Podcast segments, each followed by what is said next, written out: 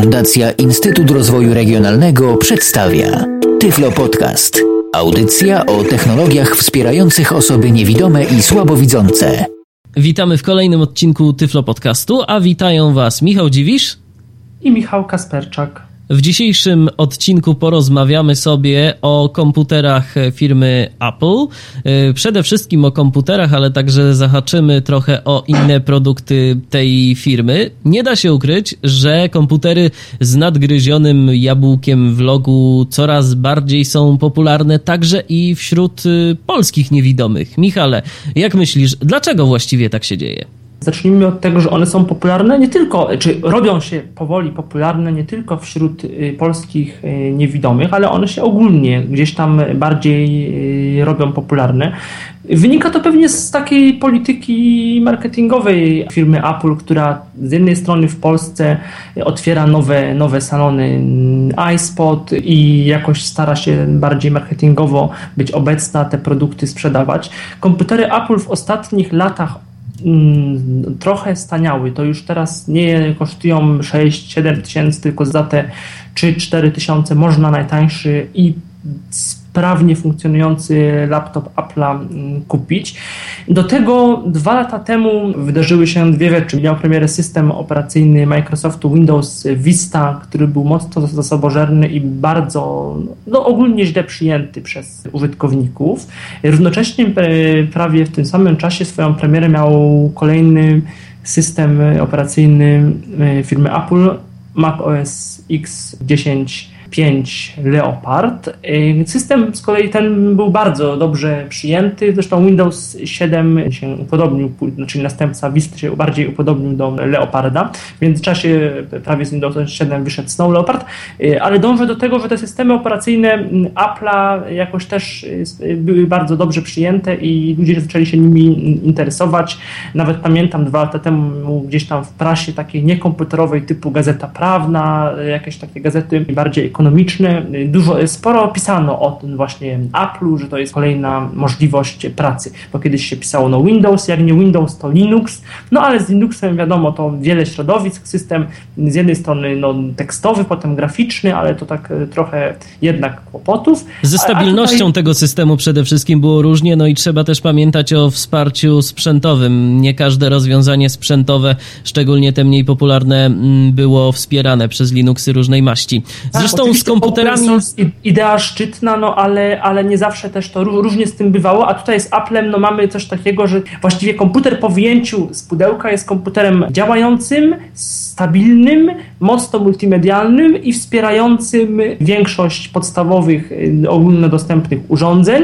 No i jest to komputer po prostu ładny, czy to stacjonarny, czy przenośny. Kiedyś było tak, że mówiło się o tym, że komputery Apple'a to są komputery przede wszystkim dla muzyków, albo dla grafików. Okazuje się, że dzięki różnego rodzaju aplikacjom wbudowanym już bezpośrednio w system operacyjny y, możliwa jest y, zwyczajna praca na tym komputerze. Jeżeli ktoś potrzebuje napisać dokument może, przeglądać internet może, wysłać pocztę może i zrobić jeszcze naprawdę dużo różnych rzeczy. Zresztą my ten system y, w drugiej części naszego materiału postaramy się przynajmniej troszeczkę zaprezentować. To nie będzie już taka lekcja poglądowa, jaką Y, przedstawiał Robert Hedzyk. Mm, z Robertem zresztą także porozmawiamy za moment na temat y, jego wrażeń, y, jeżeli chodzi o korzystanie z Maca. Natomiast spróbujemy po prostu pokazać, jak można z tego komputera korzystać, bo ty, Michale, od pewnego czasu masz okazję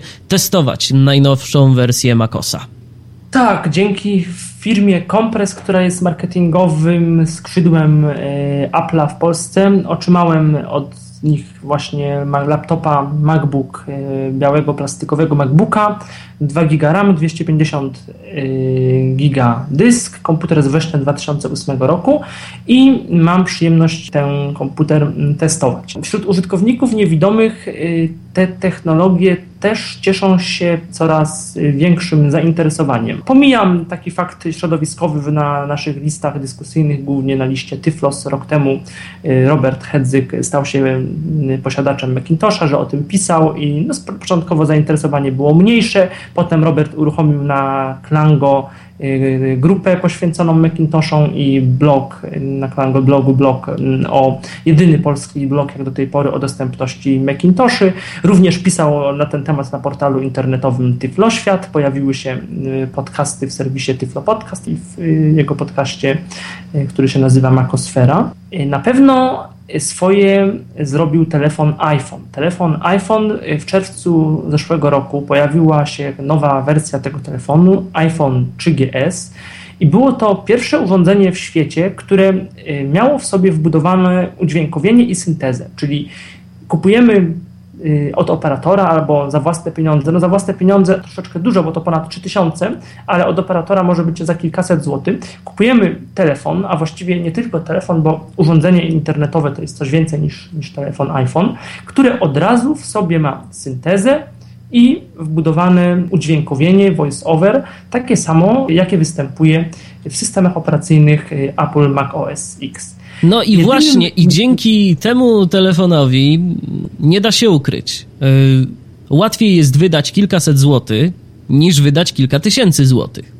Dzięki temu osoby niewidome mogły w ogóle zapoznać się y, z filozofią pracy mm, makowej, bowiem VoiceOver to zarówno screen reader wbudowany w iPhone'a, jak i w system, tak jak powiedziałeś, i ta filozofia pracy jest podobna. No jeszcze na iPhone'ie mm, różnica jest taka, że urządzenie to ma ekran dotykowy i tam y, sterujemy wszystkim za pomocą konkretnych gestów, no tak, ale już iPhone... można mniej więcej y, zapoznać się z taką filozofią działania i sprawdzić, czy to urządzenie faktycznie jest dostępne. No a skoro urządzenie takie przenośne jak iPhone jest dostępne, no to z pewnością dostępny jest także y, komputer, czy to stacjonarny, czy to przenośny, co zresztą pokazywały różnego rodzaju podcasty, czy podcasty Roberta, czy podcasty zagraniczne, na przykład takie jak na Blind Kulteku.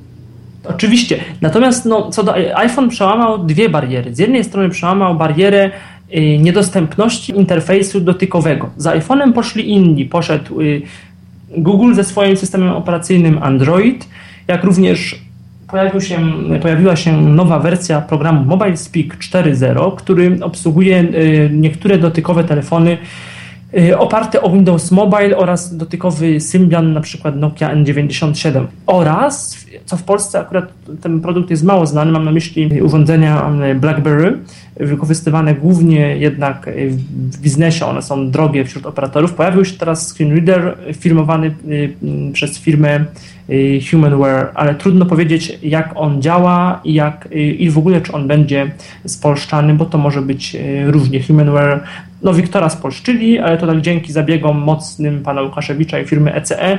Brian Nota nowego już chyba Apex niekoniecznie, chociaż też muszę się dowiedzieć, jak tak naprawdę będzie. Także yy, zobaczymy. No ale i tak, y, iPhone z tych wszystkich urządzeń jest y, najbardziej, najbardziej popularny i bardzo dobrze, że on jest udźwiękowiony i jak powiedziałem, przełamane zostały dwie bariery. Z jednej strony bariera y, tego, że, jest, że pierwsze urządzenie z ekranem dotykowym zostało udostępnione osobom niewidomym, jak również to, że Y, od razu to urządzenie ma wbudowane udźwiękowienie, syntezę i screen reader. Nie musimy wydawać y, pieniędzy na udźwiękowienie. No, w komputerach jest troszeczkę inaczej, bo w komputerach y, nie ma wbudowanej syntezy, jest synteza za tylko angielska i musimy kupić dodatkowo syntezator, ale to jeszcze o tym będziemy z Robertem bardziej szczegółowo sobie mm, opowiadać. Jeszcze na koniec tych opowieści o iPhone'ie pragnę zauważyć, może nie przestrzec, akurat mi się iPhone nie spodobał, ale no iPhone to nie będzie urządzenie urządzenie y, dla wszystkich. To jest urządzenie z ekranem dotykowym i y, ono nie ma żadnych y, klawiszy. Pamiętam jeszcze, jak demonstrowałem użytkownikom telefony komórkowe Nokia z Mobile Speakiem, czy też kiedyś tam z Toxem, no to niektórzy, no sporo ludzi nawet mówiło, że ojej, ale to te klawisze są tak mało y, wyczuwalne, mało pooddzielane, mało wyraźne. A przecież ten, akurat te Nokia, które pokazywałem 6630, no to na przykład 6600, one akurat miały całkiem przyzwoite w sumie klawisze. Tutaj jest kompletnie gładka powierzchnia, okno y, każdej aplikacji właściwie inne, ustawienie przycisków w aplikacji każdej jest, rozmieszczenie ich na ekranie jest też inne. Także to są na pewno rzeczy, które wymagają wprawy, wymagają no, co najmniej średniej sprawności manualnej, swobody, swobody w rękach, swobody dotyku, wyczucia nawigacji. Na pewno warto spróbować Wiele oso wielu osobom pewnie to się nie spodoba, inni będą zachwyceni. Co najmniej kilka osób w Polsce aktywnie używa iPhone'a i mówią, że się da i że i są bardzo zadowolone. Także spróbować warto. Na pewno ma też iPhone swoje minusy, jak do tej pory nie ma kilku aplikacji bardzo przydatnych, które są w systemie Symbian na telefony komórkowe. Mam na myśli KNFB Reader, aplikację mm, rozpoznającą tekst, y, chociaż pewne prace są prowadzone. Nie ma Loadstone'a. Też no, w Ameryce jest łatwiej, tam y, się pewnie pojawią płatne aplikacje w rodzaju y, przysłowiowych Wayfinderów czy innych rozwiązań, które po prostu będą miały wbudowane mapy, korzystanie z GPS-a i wbudowane mapy. No pokrycie w Ameryce jest o wiele większe. To nie jest tak jak Polska, że jednak są tylko mapy drogowe i się korzysta z różnych rozwiązań. I w jakiś sposób y, te mapy się tylko i wyłącznie adaptuje na potrzeby osób niewidomych. Oczywiście, także tutaj pod tym względem na pewno w y, krajach Europy Zachodniej, czy też właśnie w Stanach Zjednoczonych jest y, łatwiej, więc zobaczymy jak to będzie z takim loadstone'em. Też problemem pewnie może być wirtualna klawiatura, to jest klawiatura QWERTY jednak, to też o tym trzeba pamiętać. Niemniej kończąc ten wątek, na pewno warto, warto spróbować. I iPhone sprawił, że y, ludzie zaczęli się bardziej Macami interesować. Też z tego względu, że no to taka trochę przekora, trudno powiedzieć, czy osób niewidomych, czy Polaków, czy po prostu ludzi, która polega na tym, że chce się jakby pokazać firmom, dystrybutorom tyfloinformatycznego sprzętu, że nie są oni jedynymi dostawcami technologii optymalnej dla osób niewidomych i że wystarczy zwykły iPhone kupiony gdzieś tam poza firmą Altix, Harpo, ECM, Edison czy jeszcze inną i że to jest coś równie dobrego. No, Oby tak było. Zobaczymy, jak będzie się rozwijać iPhone, jak będzie się rozwijać y, TOX. Na pewno nie, nie, jest tak, nie będzie tak, że iPhone przebije te rozwiązania typu TOX Mobile Speak, ale myślę, że jakieś 10, 15, 20% udziału w rynku może mieć. No wiesz, myślę, Michale, ja bym nie stawiał takich kategorycznych tez, bo nie wiemy, czym nas y, zaskoczą producenci od Apple'a w przeciągu kilku najbliższych lat. Ja się w tym momencie momencie mogę z tobą, e, ja się w tym momencie mogę z tobą zgodzić, że na razie to być może jest jeszcze kwestia dalekiej przyszłości, natomiast y, nie da się ukryć ze zwykłego ekonomicznego punktu widzenia. Ja zdaję sobie sprawę z tego, że cudze pieniądze, czyli pieniądze państwowe wydaje się dosyć lekką ręką, a nie da się ukryć, że większość y, polskich y, niewidomych ma sprzęt komputerowy z programu komputerowego komputer dla Homera i nie jest to nie wiadomo jak y, duży wkład własny. Oczywiście nie mówię, że wszyscy tak mają, ale no większość tak.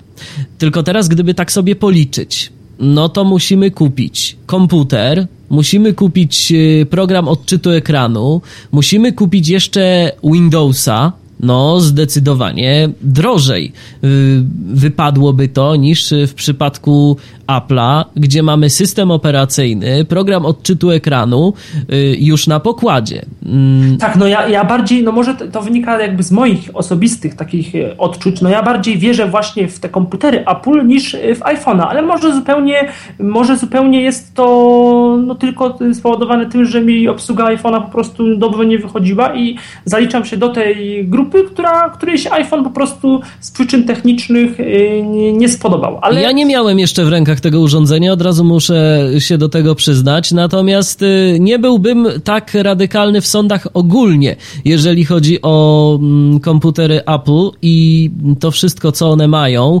Y, czy mm, dotyczyć to będzie iPhone'a, czy dotyczyć to będzie zwykłych MacBooków, czy komputerów stacjonarnych, bo za kilka lat może się zrobić naprawdę ciekawa sytuacja. Tak, y, sporo, mm, sporo firm, sporo firm tyfloinformatycznych, przynajmniej w tym sektorze, bo to przecież nie jest wszystko, co te firmy oferują. Programy odczytu ekranu to jest y, lwia część rynku, JAWS, Windows czy HAL, ale no, pod tym względem może zacząć robić się dosyć interesująca sytuacja za jakiś czas. Nie mówię, że teraz, bo teraz to w naszym kraju jest na razie egzotyczna ciekawostka. Te komputery używa kilku niewidomych także jeszcze kilka osób przymierza się do pracy na tych komputerach, no a w przyszłości zobaczymy. Także jeszcze yy, trzeba by tu wypracować razem z Pefronem jakiś yy, system, bo do końca nie wiadomo, jak wygląda to i wyglądać to będzie. Czy będziemy mogli się ubiegać na przykład o y, dofinansowanie tych środków jako sprzęt specjalistyczny, czy jako sprzęt podstawowy? No na razie wszystko wskazuje na to, że jako sprzęt podstawowy, bo jako sprzęt specjalistyczny, no niby ten screen reader wbudowany jest ale weź przekonaj jakiegoś Właśnie, urzędnika, że rzeczywiście tak jest. część systemu, czyli mhm. część sprzętu podstawowego. No to tu, tu jest coś zupełnie innego, no zobaczymy jak to będzie. No na zachodzie są firmy, jest przecież ta firma, która sprzedaje syntezator a cappella, firma AssistiveWare, ona ma, y, są też programy takie bardziej y, specjalistyczne, y, prócz voice-overa dla niewidomych. Prawda jest taka, że ci główni gracze rynku nie myślą o Mac. To są typowo Windowsowe firmy. Zresztą no, w sumie normalnie też tak też tak mniej więcej. Nie ma co się dziwić, w końcu y, model y, takiego screen readera y, to nie jest kilka miesięcy pracy. Ja sam się zastanawiam, ile czasu zajęło firmie Apple stworzenie voiceovera. Ile mm, osób nad tym siedziało i jak długo to wszystko trwało. Tam jest jeszcze jedna kwestia. I myślę, że o tyle jest ludziom z Apple'a prościej Apple, ten cały system operacyjny Apple'a, to jest rzecz zamknięta. I tworzenie aplikacji pod ten system, wszystko robi się według jakichś konkretnych standardów. To nie jest tak jak w Windowsie. Znaczy ona jest zamknięta i otwarta, bo sam Unix czy tam FreeBSD, nie wiem do końca, teraz nie pamiętam na czym on tam jest oparty, no to jest otwarty. Jakby tak, tylko, y, tak, zgadzam się z tobą, tylko Ale że to... Technologia produkcji, tak, to jest zamknięte. Właśnie, technologia produkcji, bo mm, FreeBSD to jest raczej powiązanie natury systemowej. E, to jest gdzieś głębiej. To nie jest, y, tak, to nie jest y, jakoś dostępne bardziej dla programistów, bo oni pracują na nieco wyższym poziomie, a bardziej jeżeli chodzi o sam system operacyjny. I to się z Tobą zgodzę. Natomiast już to wyższe API, jest rzeczą zamkniętą. Tam są kwestie jakichś licencji i różnych rzeczy tego typu. I, no i powiązanie ze sprzętem, bo ideał Apple jest taki, że sprzęt i oprogramowanie to jest wszystko jedność. Jedna, I tu, jedno i to samo. I tu Stąd myślę... powiązania iPhone'ów z iTunesem, synchronizowanie nie przez jakieś USB, tylko przez iTunesa, y, też y, dużo usług, y, przecież to, no nie tylko Apple, cały świat idzie w te usługi oferowane tak, tak serwisowo przez, przez, przez internet internet, y, jakieś tam, no, teraz słyszeliśmy o syntezie, y, taka dygresja i Iwona i Acapella teraz y, oferują usługi software, software as a service przez usługi, przez serwery udostępniania informacji. No ale wracając jeszcze do tematu, to myślę, że pod tym względem jest prościej, bo te wszystkie aplikacje tworzone na Apple'a muszą spełniać, a właściwie może niekoniecznie muszą, ale powinny spełniać y, pewne określone standardy.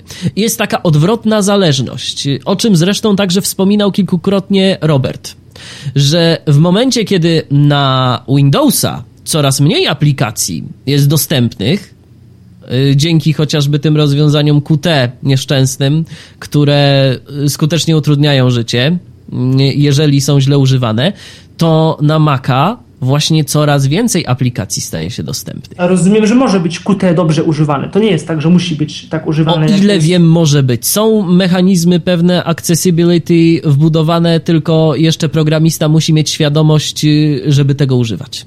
No co więcej, co do, jeżeli chodzi o na przykład iPhone'a, yy, są wytyczne, że nowe aplikacje wprowadzane do App Store powinny być yy, dostępne dla, dla VoiceOvera. Różnie pewnie z tym jest, ale dużo aplikacji dostępnych jednak tak, jest. Na Maca nie wiem, czy to jest taki obowiązek, ale też takie, takie, wytyczne, takie wytyczne istnieją.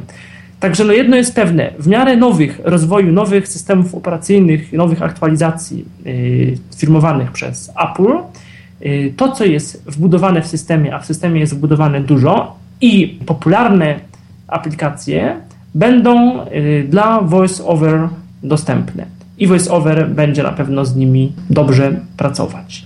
A to, że VoiceOver jest integralną częścią systemu operacyjnego, powoduje, że rzeczywiście to wszystko działa yy, stabilnie. Jak działa, pokażemy w kolejnej części naszego materiału, bo już za moment połączymy się z Robertem Hedzygiem i porozmawiamy o takich y, jego wrażeniach dotyczących y, Apple'a. Ty, Michale, masz okazję testować ten komputer, więc o swoich wrażeniach i odczuciach myślę, że powiesz w kolejnej części tak, y, naszej audycji. Jeszcze, jeszcze dopowiem jedną rzecz. Zastanawiałeś się, jak to, jak długo Apple'owi mm, zajęło powstanie tego screenreadera i jak to było. Do końca nie wiem, natomiast wiem jedno, że pierwsze jakieś takie ułatwienia, to oczywiście nie był screenreader taki, taki prawdziwy, z prawdziwego zdarzenia, ale pierwsze jakieś takie ułatwienia w postaci mo od, możliwości odczytania pewnych rzeczy, no czegoś w rodzaju pewnie jakichś takich Windowsowych narratorów starych, pojawiły się już w tych pierwszych systemach gdzieś tam w 84-85 roku.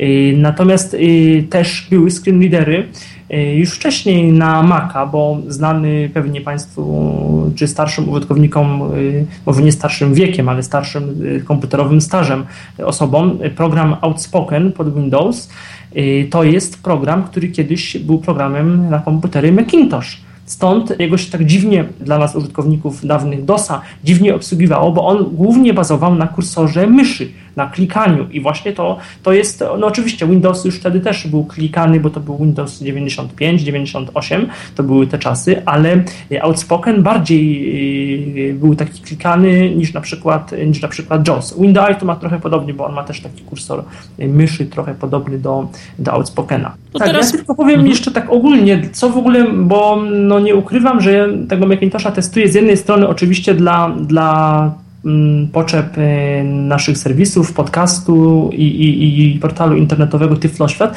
No ale też jestem żywotnie tym zainteresowany, bo, bo chyba kupię jednak Macintosha. Nie wiem kiedy, ale, ale chyba, jednak, chyba jednak zainwestuję. Bo no, to, co mnie w grudniu spotkało, niby, niby, rzecz taka, niby rzecz taka błaha, no ale bo można sobie z tym poradzić poprzez yy, wcześniejsze przygotowanie instalacji sterowników i tak dalej, ale no, dużo czasu poświęciłem na reinstalację systemu operacyjnego, na instalowanie tych syntoków, innych syntez, y, JOSów, potem y, konfigurowanie tego wszystkiego, jakieś problemy z y, przechwytywaniem obrazu, z kartą graficzną. Nie daj Boże, jak no, do, do, wtedy jeszcze, czy nieco wcześniej, na potrzeby podcastu zainstalowałem Dolphin Guide, a Dolphin, jak pewnie część z Państwa wie, bar, lubi bardzo mm, zepsuć system operacyjny, to znaczy po prostu gryzie się z innymi screenreaderami. Tutaj w Apple'u przekonałem się, że tego problemu, tego problemu nie ma, no bo mamy wbudowany screenreader VoiceOver, który jest prostym programem w obsłudze tak naprawdę bardzo, yy, bo do jego obsługi wystarczy, podstawowej obsługi wystarczy znać klawisze nawigacji yy, kursorem VoiceOver, wchodzenie w interakcję z tabelą, yy, z różnymi obiektami, potwierdzenie, takie kliknięcie i właściwie tyle. Czyli coś tak trochę jak niektórzy używają Windowsa w prosty sposób, czyli kursor myszki, kliknąć i, i koniec. I działa. I działa, tak. I tutaj właściwie też no, kupujemy, czy tam instalujemy wersję demonstracyjną syntezy, to też trzeba mieć dostęp do internetu, ale to o tym później powiemy.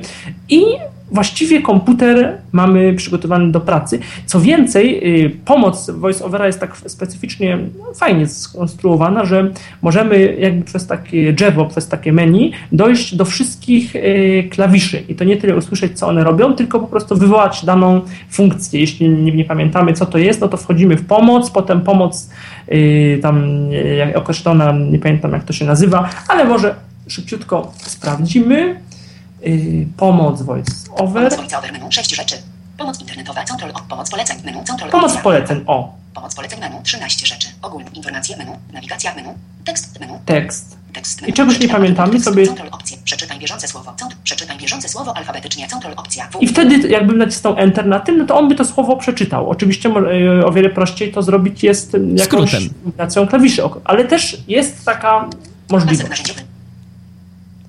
Także ta prostota obsługi systemu operacyjnego, jak i samego oprogramowania udźwiękawiającego, czas spędzony na, na przestawienie na naukę jest, no jest krótszy niż myślałem, choć no, ja wcześniej przeczytałem dokumentację, y, przeczytałem y, artykuły różne, posłuchałem podcastów Roberta i na początku miałem sporo Wątpliwości może nie, ale dużo rzeczy mnie jednak drażniło. Zresztą do dzisiaj mnie drażni. No nie jest tak, że ja już na pewno wiem, że tego Macintosha kupię. Wszystko wskazuje na to, że jednak tak. No, pokażę Państwu, jak szybko po oknach można prze przechodzić. Command Tab, jak Alt Tab w aplikacji jak Windowsowych.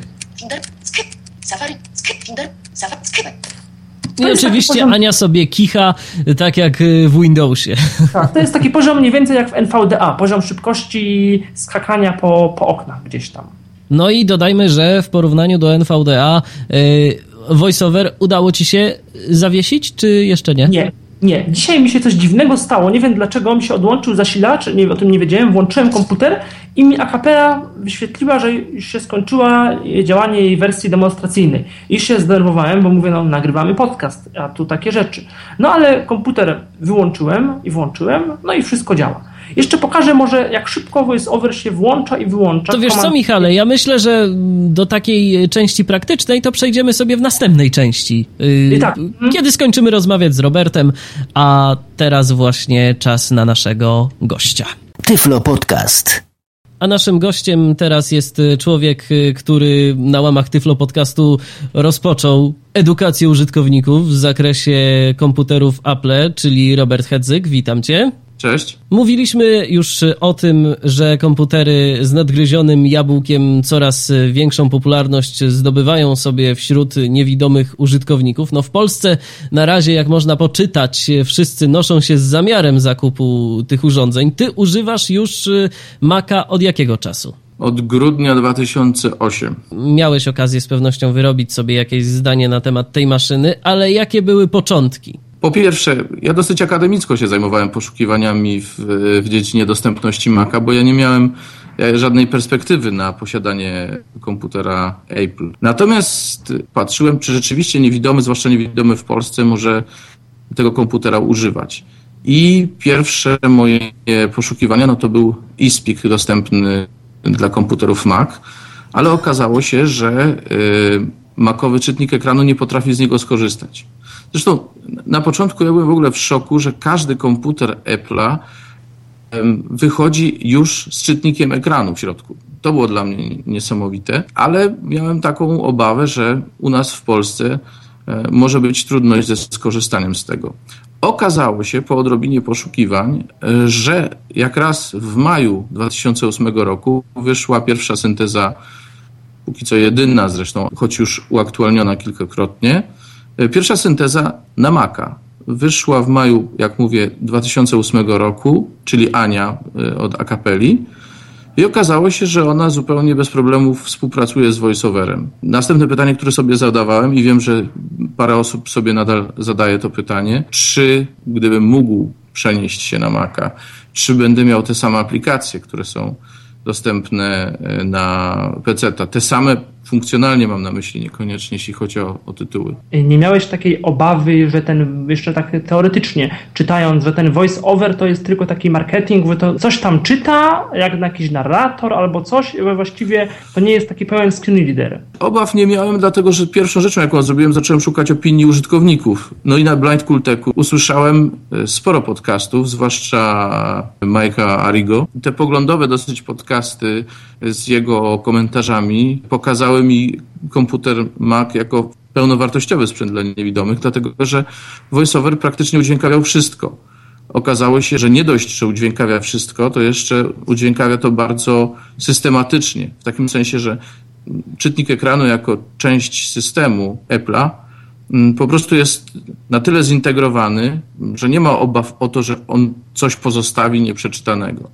Pewnie były takie aplikacje jak iTunes, które doskonalono, jeśli chodzi o współpracę z VoiceOverem, ale one już w tej chwili są naprawdę na wysokim poziomie, jeśli chodzi o, o dostępność dla niewidomych, więc właściwie nie ma o czym mówić. Jak wygląda różnica i czy w ogóle można zaobserwować jakąkolwiek różnicę w filozofii pracy? Bo każda osoba, która planuje przesiadkę z Windowsa na Maca, zadaje sobie pytanie z pewnością takie, jak to właściwie tam wygląda? Tu używam na przykład JOSa, używam Windowsa, ty używałeś JOSa na PC. Tak, od, 90, od, od 98 roku. No właśnie. I jak to wygląda, jeżeli chodzi o przesiadkę? Czy są y, rzeczy, czy jest ich dużo takich y, nowych, do których trzeba się po prostu przyzwyczaić? Czy wygląda to tak, że włączam komputer, działa podobnie, może tylko jest jakieś inne nazewnictwo, pracujemy sobie bez większych y, przygotowań?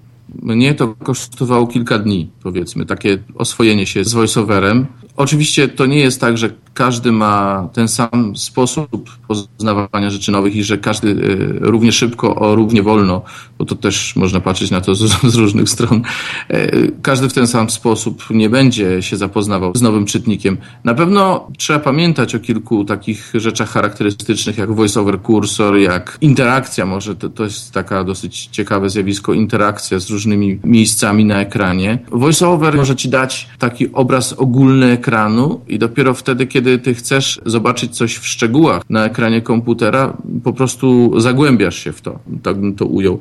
Jeśli chodzi o JOS, to troszkę to inaczej wygląda. Bo to jest też tak chyba, że JOS, JOS ma taką, przez ten swój kursor PC, ma taką trochę, mm, taką trochę filozofię nastawioną na klawisze kursora, na tab i na klawisze skrótów i JOSowe i różnych aplikacji użytkowych. Oczywiście ta myszka jest w JOSie dostępne, są kursory myszy, kursor niewidzialny, ale myślę, że taka praca z VoiceOver, ona trochę przypomina pracę użytkowników Windowsa trochę, którzy dobrze nie znają skrótów klawiszowych i wszystko wyklikają y, kursorem myszki y, Windowsowym. O i to tak ja muszę się zgodzić z tą kwestią, y, jeżeli chodzi o pracę z Windowsem, bo przy używaniu podstawowych możliwości tego programu, no to rzeczywiście nie trzeba znać wielu skrótów. Ja zawsze, kiedy muszę prasować z JOSem, to denerwuje mnie strasznie filozofia jego kursora myszki, jego JOS kursora. I tak kiedy słuchałem twoich audycji, to zawsze mi się wydawało, no, że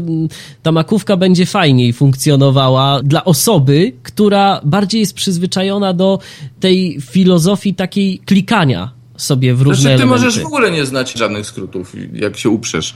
Oczywiście to nie jest wygodne na dłuższą metę do pracy, ale jeżeli nie znasz jeszcze póki co skrótów systemowych, to poradzisz sobie ze wszystkim za pośrednictwem e, menu. A jak nie znasz klawiszy dostępu do menu, czy nie wiesz jak to zrobić, to na pewno za pośrednictwem pomocy e, voiceovera, czyli e, klawisze voiceover plus dwa razy H, no to tam masz wszystkie, wszystkie komendy i wszystkie rzeczy podzielone na, na działy. To, co Ciebie interesuje, to sobie znajdziesz, wykonasz y, polecenia, przy okazji nauczysz się skrótu. Natomiast y, odnosząc się jeszcze do tego, co powiedział Michał wcześniej, ja ogólnie rzecz biorąc Windowsa nie znam, więc nie umiałbym, nie umiałbym porównać Y, voiceovera do Windowsa, ale powiem ja wam też tak. na co dzień nie używam tak naprawdę, też głównie JOSa używam. Ale powiem wam panowie tak, o ile JOS był trochę bardziej uzależniony od tego wszystkiego, co robi system praktycznie, bo albo mu to poszło dobrze, albo mu nie poszło, albo program był dla JOSa dostępny, albo nie był, to VoiceOver ogólnie rzecz biorąc, on się bierze za ekran jakby od zewnątrz. W tym sensie, że podstawowa nawigacja po ekranie komputera odbywa się przy pomocy komend y, voiceovera. Oczywiście można nawigować przy, pomocy komend systemu, ale jeżeli ktoś chce mieć precyzyjny obraz, lata sobie mm, strzałkami z klawiszami VO. Poruszamy się tymi klawiszami nawigacyjnymi voiceovera i dochodzi się wszędzie. I nie ma najmniejszych problemów y, z jakąkolwiek później akcją na komputerze. A no jeszcze poczekaj, taka... po, poczekaj, poczekaj, bo, bo nie chciałbym, żebyśmy powiedzieli, że wszystkie programy są stuprocentowo dostępne. Akcją, ale akcją w systemie. Akcją w systemie. A nie, w systemie to zapomnij o problemach. Co bo na dobrą sprawę, jeśli idzie o komendy, to wystarczą nam nawigacja voice over kursorem, Y, wo spacja do klikania i y, wejście w interakcję z elementem, czyli wo shift strzałka w górę, strzałka y, w dół odpowiednio. Strzałka kiedy... w dół, wejście, strzałka w górę, wyjście. Tak, Michał, na początek tak.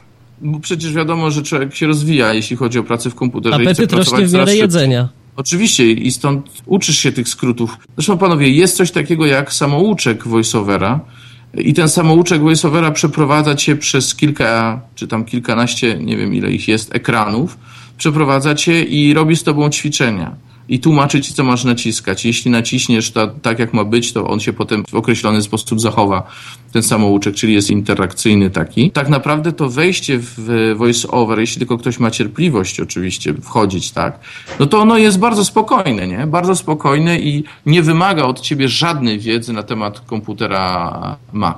VoiceOver y, nie dysponuje na starcie w momencie instalacji polską syntezą y, mowy. Nie, nie, nie dysponuje No właśnie, i to mnie Żadne, jeszcze... Żadną inną nie dysponuje, jak tylko um, angielską. I to mnie jeszcze też przy okazji zastanawia, jak taka osoba, która zakupi Maca i specjalnie nie zna tego języka, jak oceniasz możliwości takiej osoby stawienia tych pierwszych kroków, czyli zakup syntezy i zainstalowanie jej w systemie? Ja myślę, że to, to trochę jest tak, jak z każdą rzeczą, którą się robi ucząc się tego. To znaczy tak, jeśli ktoś nie ma w ogóle doświadczenia komputerowego, to czy to będzie Mac, czy to będzie PC, prawdopodobnie poprosi kogoś o pomoc.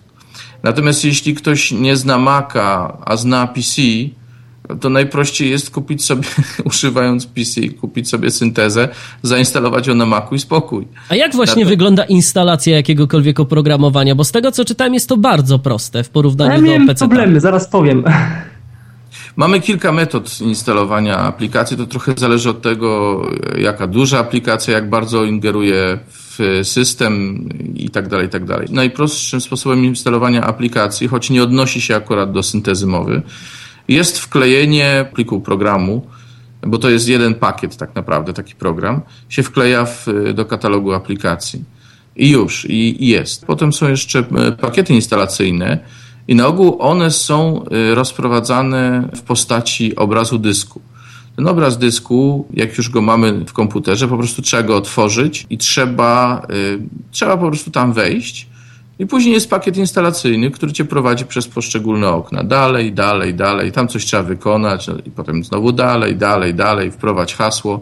Wprowadzasz hasło administratora. Dalej, dalej, zakończ już. Michał, ty mówiłeś o swoich problemach z instalacją programu. Powiedz może o tym. Problem miałem z instalacją akapeli właśnie Ania, bo problem polegał na tym, że zainstalowałem syntezę i akurat nie miałem dostępu do internetu. To jakiś miałem problem. Nawet jeżeli jest ta wersja demo 30-dniowa, to ona też wymaga takiej aktywacji internetowej demo. I mi się no, stało... No właśnie że... na, tym, na tym polega w ogóle jej pomiar czasu demo, że ona cię rejestruje tam, ale potem za każdym razem, kiedy ty jej używasz, sprawdza to na, na serwerze, czy ty no masz tak, prawo tylko tutaj problem polegał na tym, że właśnie ja tej aktywacji nie zrobiłem, ale już y, ją wybrałem sobie wcześniej w VoiceOverze, zamknąłem VoiceOvera, zrestartowałem komputer, internetu nie było, uruchomiłem y, Command F5 VoiceOvera i słyszę trochę parafrazuję komunikat, ale coś takiego. Syntezator a cappella Ania, czy tam Ania 22 KHZ to jest wersja demonstracyjna. I za każdym razem cokolwiek bym nie nacisnął, to jest wersja demonstracyjna, a kapela, coś tam, coś tam. No ale to jest właśnie uwarunkowanie, konkretne uwarunkowanie tej aplikacji. Tak, ale uczulam właśnie na to użytkowników, że musi być tutaj dostęp do internetu podczas instalacji, że właściwie zainstalowanie i nieaktywowanie, a przypadkiem jakbyśmy ją potem wybrali w VoiceOverze, spowoduje, że niestety mamy, mamy problem. Tak, tak, tak. To na pewno trzeba, trzeba mieć dostęp A do internetu. Właśnie jak jest jeszcze z licencją Akapeli? Ona jest na jeden komputer? Jak to właściwie wygląda? W ogóle jeśli chodzi o, o, aplikacje makowe, to o ile wiem, robię to zastrzeżenie, bo nie wiem, czy to dotyczy wszystkich, ale to jest tak, że oni nie mają czegoś takiego, że na ten komputer, a już na innym nie. Tylko, że ty legalnie używasz tego oprogramowania na jednym komputerze. A czy to jest ten, czy to jest inny, to, to jest twój cyrk, twoje małpy, jak to niektórzy mówią. A jak już się kupi, to potem po prostu trzeba jakoś e, aktywować kodem jakimś, jakiś kod tak, oni ci, oni ci przysyłają tak kod licencyjny, który ty wprowadzasz i ona jest już y, uaktualniona. Ale na przykład, gdybyś zmieniał komputer, no to masz tego asystenta e, migracji i te wszystkie programy, które miałeś i które chcesz zachować na przykład, przy migracji do kolejnego Maca po prostu zachowujesz je i to wszystko ci przechodzi podczas... Gdzie on to, on, to, on to kopiuje na jakąś płytę, czy on to przesyła? Nie, nie, to zależy w jaki sposób je połączysz, te komputery. Jak je połączysz kablem sieciowym, to to będzie kabel sieciowy, czy jak je połączysz siecią w ogóle. Jak je połączysz Firewire, no to to będzie Firewire. Migrujesz sobie w dosyć taki bezkolizyjny sposób, zaznaczasz sobie, co chcesz przenieść z innego komputera na ten nowy i to wszystko ci przychodzi, a potem z tamtego kasujesz. Dużo osób niewidomych y, skanuje i czyta za pomocą skanera i oprogramowania OCR. No wiadomo, w Windowsie mamy w Windowsie trzeba mamy Find Readera, a jak to jest tam? Zetknąłeś się z czymś? A Find Reader na przykład. Y, też jest. Tak. A wie, wiemy, czy dostępny z voiceoverem? Tak a propos? Dostępny, dostępny. A powiedzmy jeszcze o kwestii Windows na Macu. Musimy mieć płytę, rozumiem, z Windowsem, e, który instalujemy na Macu, tak? Wirtualnie. Jak to, jak to wygląda? Narzędzie Botcamp nie jest y, instalacją wirtualną. Fusion jest y, maszyną wirtualną albo Parallel Desktop. E, z tych dwóch chyba Fusion jest bardziej dostępny dla nas. W każdym razie y, to to jest maszyna wirtualna i tu się uruchamia rzeczywiście Windows wirtualny. Oczywiście, że jest potrzebna płyta instalacyjna, no bo skądś tego Windowsa trzeba fizycznie wziąć. Natomiast jeśli chodzi o Botcamp, to Botcamp nie jest maszyną wirtualną. Botcamp daje Ci możliwość odpalenia systemu albo komputera, albo pod y, Leopardem, czy Snow Leopardem teraz, albo pod Windows. To nie jest tak, że otwierają ci się wirtualne okna. To, co Mac dostarcza ci y, fabrycznie, to to jest właśnie aplikacja, która umożliwia odpalenie komputera tak, albo w jednym, albo w drugim. muszę tego Windowsa zainstalować jakby w... Naturalnie, naturalnie. A czy są jakieś takie programy e, na Maca, które emulują jakby same to API Windowsowe i same środowisko, tak jak na przykład Wine pod Linuxem, że możesz uruchomić aplikację Windowsową bez instalowania samego Windowsa? Czy nie ma czegoś takiego? Ja się nie spotkałem, ale to nie znaczy, że nie ma. A jeszcze zastanawia mnie jedna rzecz. No, to jest temat bardzo szeroki i podejrzewam, że ile ludzi, tyle poglądów będzie na tę sprawę, ale czy miałeś problemy, mm, korzystając z Maca, y, w dobraniu sobie jakiegoś dostępnego zamiennika dla programu, którego używałeś na co dzień pod Windowsem? A jeżeli tak, to co to było? Ja na razie jeszcze ciągle używam e, FineReadera pod Windows, dlatego że po prostu zwyczajnie nie mam jeszcze FineReadera na Mac. Maca. I może ewentualnie Klango, którego używam. Czekam już bardzo na, na wersję Macową, która podobno już prawie jest. E, ale w każdym razie chyba nie miałbym w tej chwili żadnego problemu, bo tak, oprócz normalnych y, takich biurowych aplikacji typu poczta elektroniczna, procesor tekstu, czy tam, no te wszystkie rzeczy, wiecie, podstawowe, które Mac w sobie ma, e, których używam, no to y, program do obróbki dźwięku, no, używam Amadeusa, y, już wielu ludziom o tym opowiadałem, ale on jest znacznie lepszy na przykład od SoundForge'a i kosztuje znacznie mniej, bo to jest wielośladowa obróbka dźwięku, montaż plus mastering. Zasadniczo mógłbym spokojnie już w ogóle wyinstalować sobie Windows. Edycja mamy i edytor Text Edit i mamy pakiet iWork. Nie wiem do końca jak z jego dostępnością, może nie tyle dostępnością, bo z tego co ja testowałem, gdzie, gdzie indziej on dostępny się wydaje. Natomiast nie wiem na ile ta prezentacja obiektów, bo ta jakby w iWorku i w arkuszu i w edytorze to jednak mocno jest tak, że jest ekran, i on jest tak podzielony, no tak trochę jak to jest w Macu, na te funkcje nawigacyjne, na funkcje tekstowe, ale te funkcje tekstowe są też rozmaite obiekty, zarówno graficzne, zarówno tekstowe, zależnie od tego, jak taki dokument jest jaką ma strukturę. No i teraz no, trudno mi w tej chwili powiedzieć, na ile można się w tym użytecznie połapać. Nie wiem. Nie, nie wiem. odpowiem Ci na to pytanie, ponieważ mnie doskonale wystarcza tekst edit do tego, co ja piszę.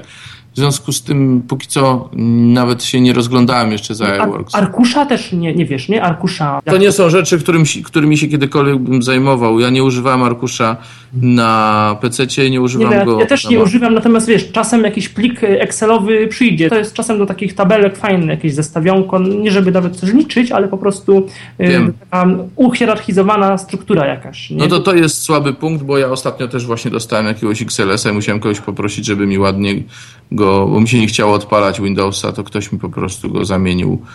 Bo tak, ewentualnie tak dostanę XLS-a, no zawsze mogę sobie odpalić Windows, Office'em go otworzyć i spokój. No, no ekstra rzeczą są PDF-y. Tego doświadczyłem, Właśnie. podgląd PDF. Rewelka, nie? To jest a, a, świetne. A spróbowaliście zrobić, zaznacz wszystko, skopiuj i skopiować go bezpośrednio do TextEdita? Nie. A to spróbuj. Natychmiast go skopiujesz po prostu i zrobi ci się dokument y, RTF z tego.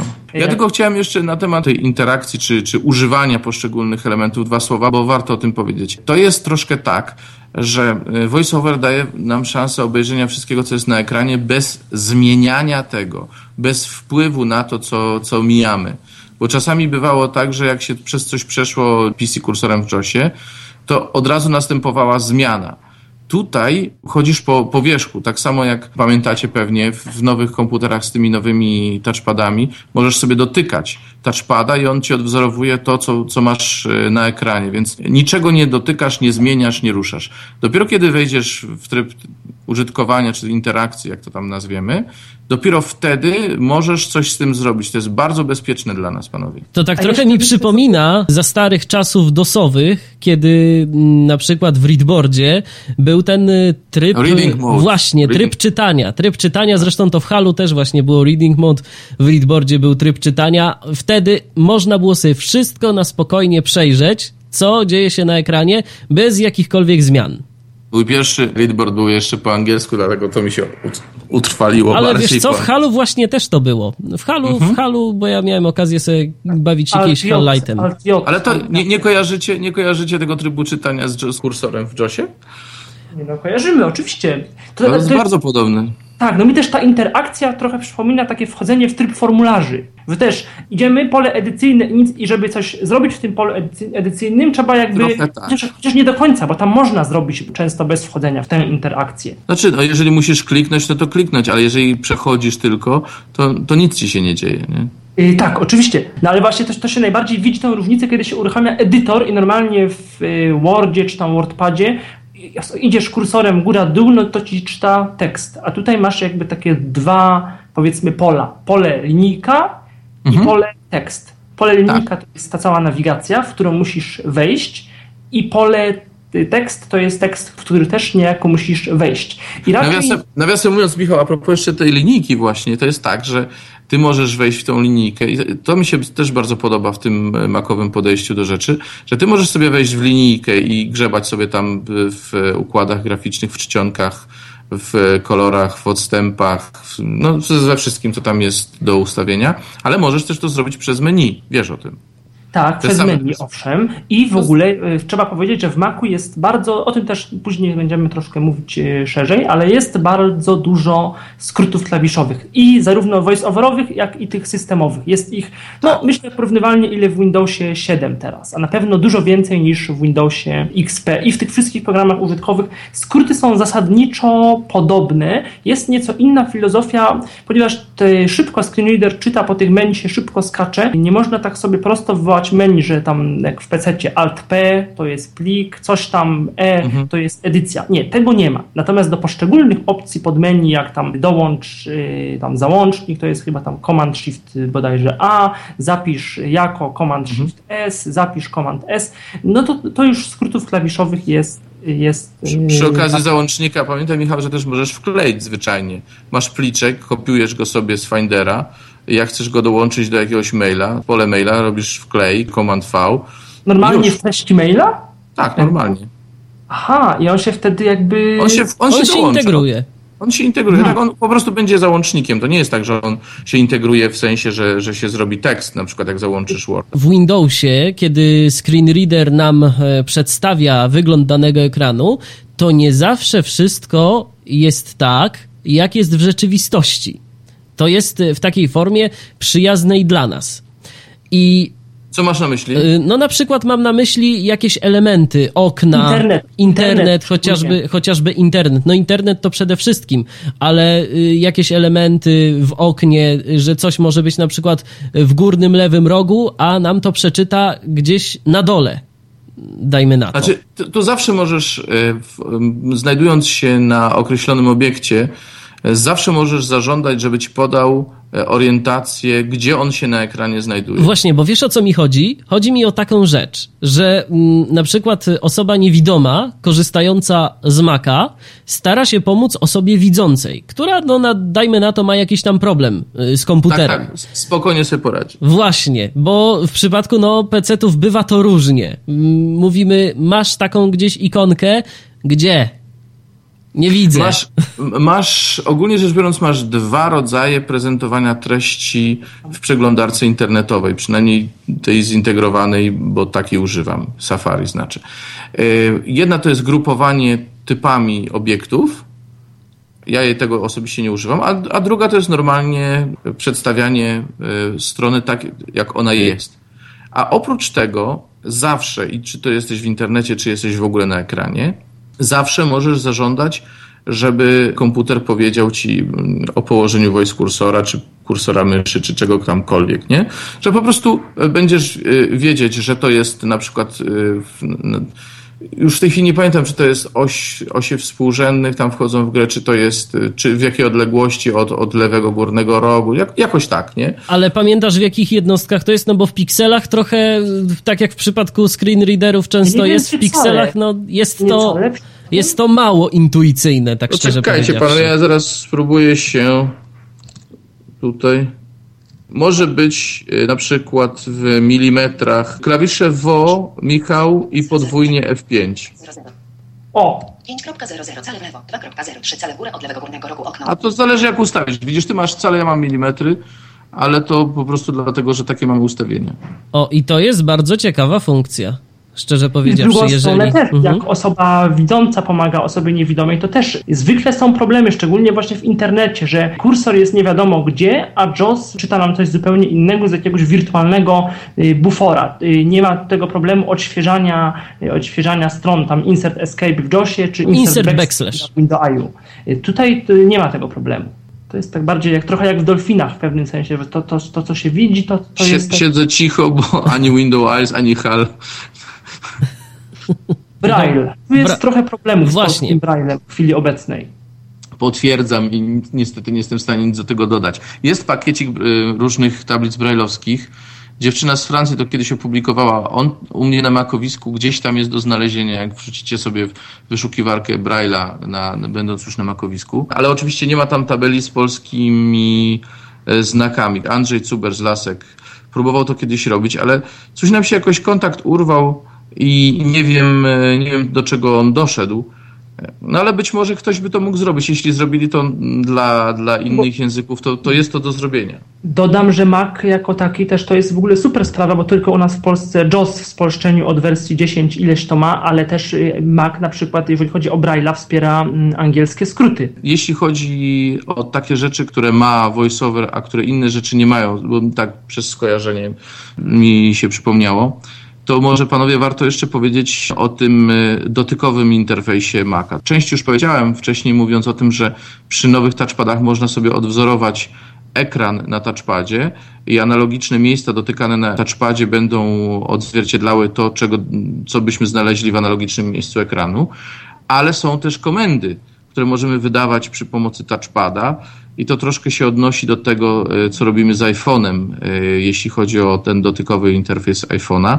E, czyli są różnego rodzaju przewijania, stuknięcia, e, jest też e, to pokrętło, także możemy się poruszać, zwłaszcza na przykład w internecie, możemy sobie wybrać, czym będziemy się poruszać i przewijając w dół albo w górę poruszamy się nagłówkami, linkami, grafikami, formularzami, no czym tam chcemy. Żaden inny czytnik ekranu nie posiada takiej funkcji. Tak, ale też ciekawą funkcją, która jest w sumie nie wiem, czy funkcją systemową, czy funkcją voice-overa, bo to tak trudno rozdzielić. To jakby jest dobre, że ten voice-over to jest integralna część systemu i coś, co jest y, systemowe, jak jest dobrze czytane przez voice-overa i na odwrót, no to właśnie y, i voice-over jest systemem, no więc to jakby trudno czasami, mm, nawet nie ma potrzeby się zastanawiać, czy coś jest komendą jakby voice-overa, czy, czy po prostu systemu, ale ale jest taka komenda WOI, wylistowanie wszystkich elementów okna. Dobrze mówię? Okna? To jest, to jest voiceover, voiceover, to jest ewidentnie voiceover. I to ułatwia I to... nawigację wtedy, tak?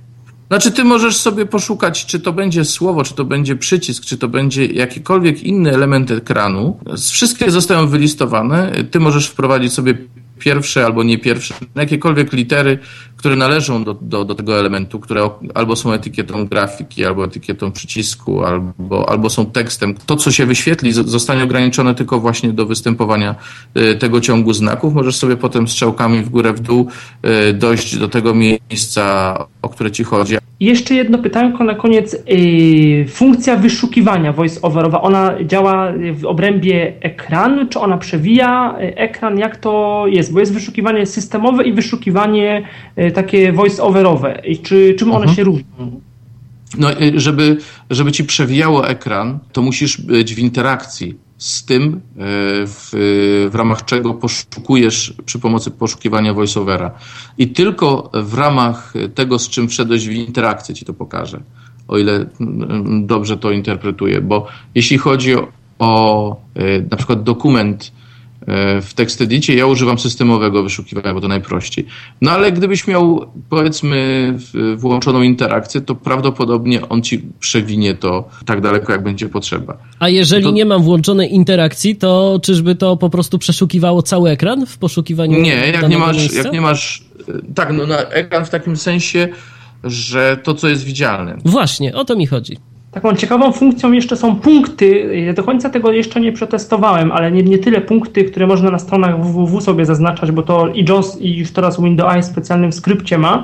Ale... A ten ma jeszcze automatyczne, panowie, tak się wtrącę. Ten ma jeszcze automatyczne. Mhm. No to na mnie nie zrobiło to wrażenia, no ale ma. I w edytorze tekstu też można sobie takie punkty, tylko ja nie wiem, czy on je pamięta dla danego pliku, jak to jest, bo to można by takie zakładki sobie robić, gdyby on to pamiętał dla pliku, ale nie wiem, czy to tak dobrze jest. Przyznam, że jeśli to coś takiego jest, to ja, to ja nie, nie korzystałam z tego. Natomiast owszem, są takie, mm, nie pamiętam jak to się nazywa, ale też takie punkty odniesienia, to się chyba nazywa sweet pointy, czy nie, nie chcę mhm. w tej chwili. Tak, no, w każdym razie są takie rzeczy, e, czy hotspoty, przepraszam, hotspoty to się nazywa. To są, to są takie rzeczy, że ty możesz e, miejsce na ekranie gdzieś tam, czy, czy, e, czy jakiś program, jakąś konkretną aplikację sobie obserwować w takim sensie, że będąc w innym e, oknie, VoiceOver poinformuje ci, jeśli zajdą zmiany w jakiejś e, aplikacji czy w jakimś oknie. Nie wiem dokładnie, bo nie używałem tego jeszcze, ale jeżeli chcesz, e, żeby coś tam ci informowało o zmianach stanu e, aplikacji, której w danym momencie się nie znajdujesz, to te hotspoty w tym pomagają. Na pewno przynajmniej o części z tych rozwiązań postaramy się od tej strony praktycznej powiedzieć e, w najbliższych kilkudziesięciu kolejnych e, minutach e, tego nagrania wspólnie z Michałem. Dziękujemy Ci bardzo, Robercie, za rozmowę. Dzięki panowie, dzięki bardzo. I do usłyszenia.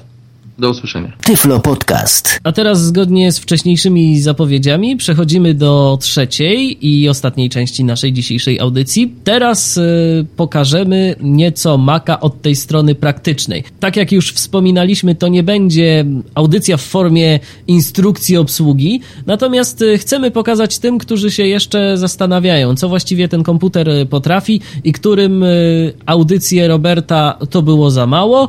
No, może nasza wiedza nie jest jest aż taka wielka jak jego, bo Michał używa Maca od niedawna, no ale postaramy się przynajmniej jakoś zademonstrować, co można na tym komputerze zrobić, używając go od kilku dni. Tak, no ja może pokażę na początek, y, jak się szybko wyłącza i włącza voice-overa. Wyłącza, no bo go mam teraz uruchomionego, po prostu go wyłączę. Ja może tak po prostu będę y, mówić, mówić co robię już bez zbędnych y, opisów i to myślę będzie jakoś tam czytelne, no bo zakładam, że ktoś, kto słucha tego podcastu, już jakoś się przygotował i jakąś tam wiedzę ma i słucha go po to, żeby tę wiedzę zweryfikować w celu kupienia albo nie kupienia później komputera firmy Apple. A jeżeli ktoś zupełnie nie wie o co chodzi, to odsyłamy do sekcji Apple ani widomi na stronie www.tyflopodcast.net. Albo do artykułów w serwisie Tyfloświat, a najlepiej do tego i tego. I jeszcze ewentualnie na makowisko klangoblog.net. Tak, i na zagraniczne strony Blindkultech. Jeżeli ktoś po angielsku dobrze tak. sobie radzi. Komand F5 wyłącza i włącza voiceovera. Wyłączamy voiceovera. Funkcja voiceover jest wyłączona. No i został wyłączony. I teraz naciskam ponownie Command F5. Voiceover włączony. Chyba okno 01 17 40 linia pionowa rozmowa A z to nam okno Skype'a przeczytał. Y, Ciekawostką, ja tego nie doświadczyłem, Robert kiedyś o tym opowiadał i to też można w publikacjach wyczytać, jest to, że kiedy voiceover y, się jakoś tam zawiesi, to automatycznie się restartuje. Jeszcze może powiedzmy, akurat nie będziemy w stanie tego zademonstrować, bo rozmawiamy mm, przez Skype'a na Macu. Yy, Zresztą przy okazji to jest taka fajna rzecz akurat dla potrzeb podcastu.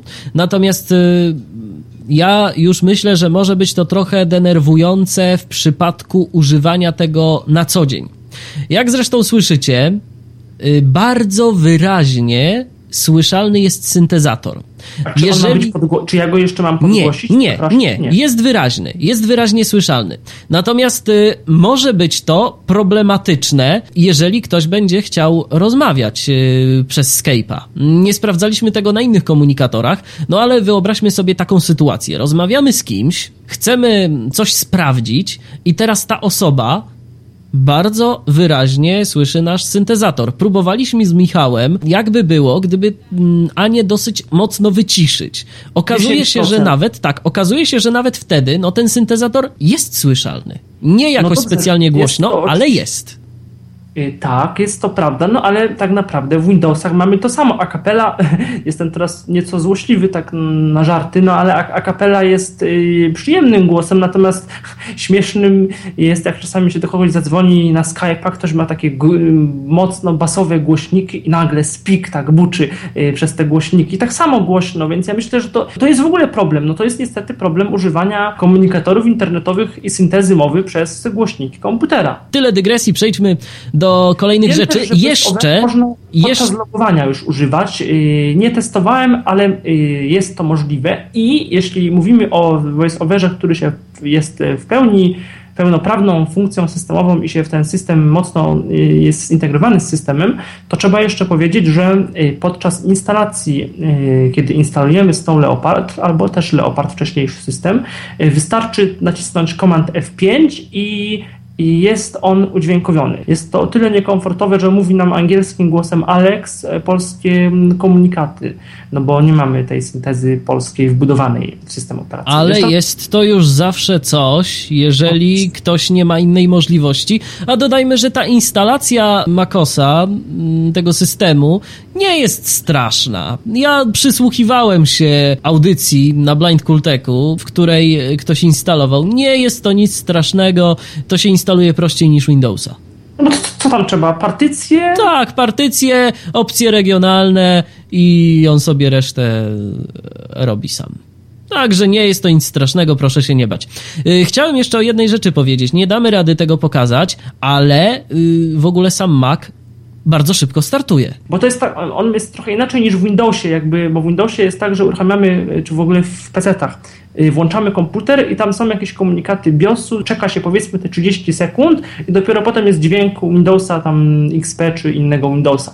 Tutaj jest tak, że włączamy komputer i to nie jest tryb uśpienia, normalnie go włączamy po wyłączeniu i po jakichś dwóch, trzech sekundach jest taki dźwięk y, uruchomieniowy jakby systemu.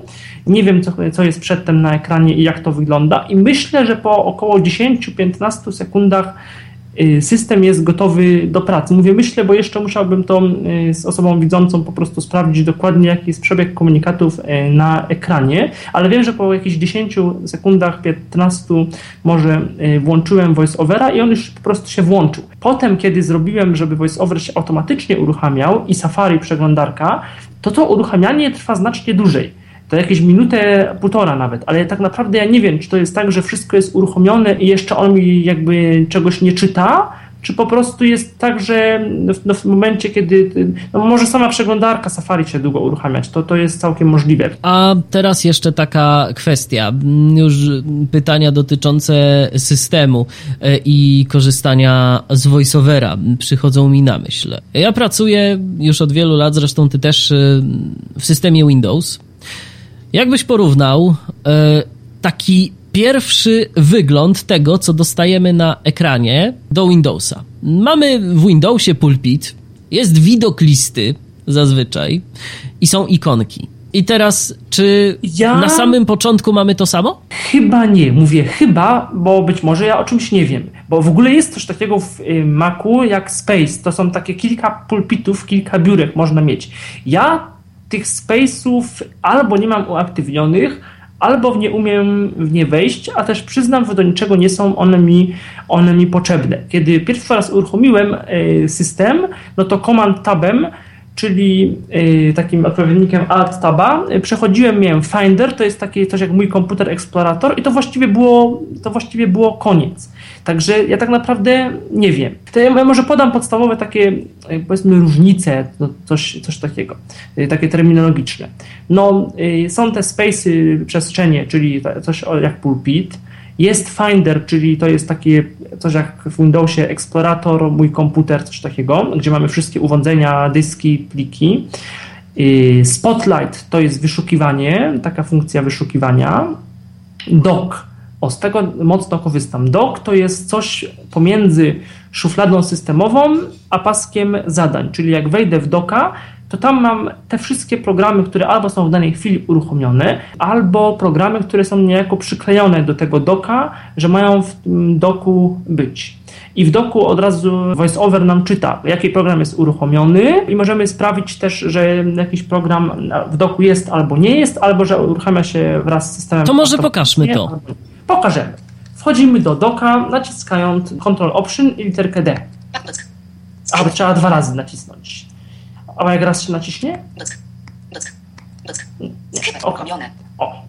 I klawiszami lewo, prawo, albo góra, dół, to właściwie to jest obojętne, albo z y, klawiszami W, czyli z Command Option, albo samymi, bo tu, tu nie ma różnicy, czytamy. Ja może przejdę tak do początku. Finder uruchomione. Kosz.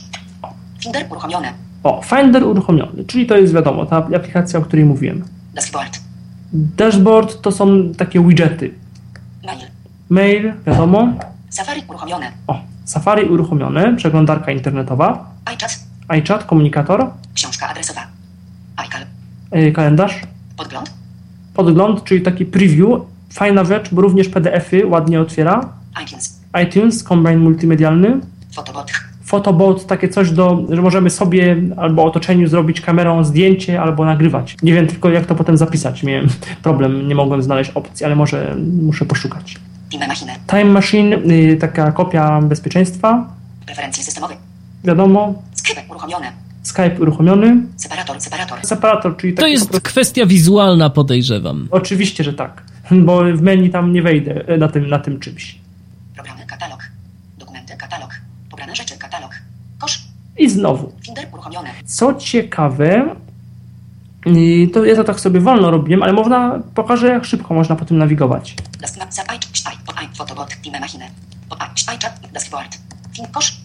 No słychać, że... Bardzo szybko, bardzo szybko to funkcjonuje. A teraz może pokażmy, bo w Windowsie jest tak.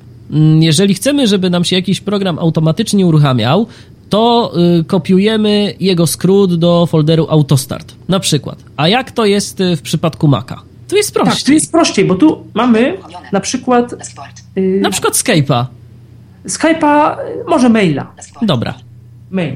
I wchodzimy do menu, żeby teraz wejść do jego menu, coś jak prawy przycisk myszki, naciskamy VO Shift y, M, czyli Control Option y, Shift M. Też tak wydaje skomplikowane, ale po chwili naprawdę jakoś tak same ręce na te klawisze wchodzą i nie jest to jakoś bardzo skomplikowane. W ogóle tak nawiasem mówiąc, muszę też podłączyć potem sobie klawiaturę numeryczną i poustawiać klawisze tak coś jak w Windowsie. Myślę, że bardzo przyjemnie się będzie y, obsługiwać Macintosha klawiaturą numeryczną, kiedy się zrobi tą nawigację voice-over kursorem oraz właśnie klikanie i otwieranie. To myślę, że będzie bardzo fajne, bo nie trzeba będzie tych WO, shiftów, spacji, naciskać, enterów, tylko po prostu wszys- większość rzeczy się z klawiatury numerycznej zrobi. No ale teraz mamy klawiaturę tylko laptopową i naciskamy WO, Shift M. menu. I co my tu mamy? Opcje. Otwórz. Pierwszej opcji on nam właściwie nie czyta, nie wiem dlaczego. Znaczy trzeba dół, góra, dół zrobić albo w dół i w górę. Może czegoś nie umiem. Otwórz, to wiadomo co to jest.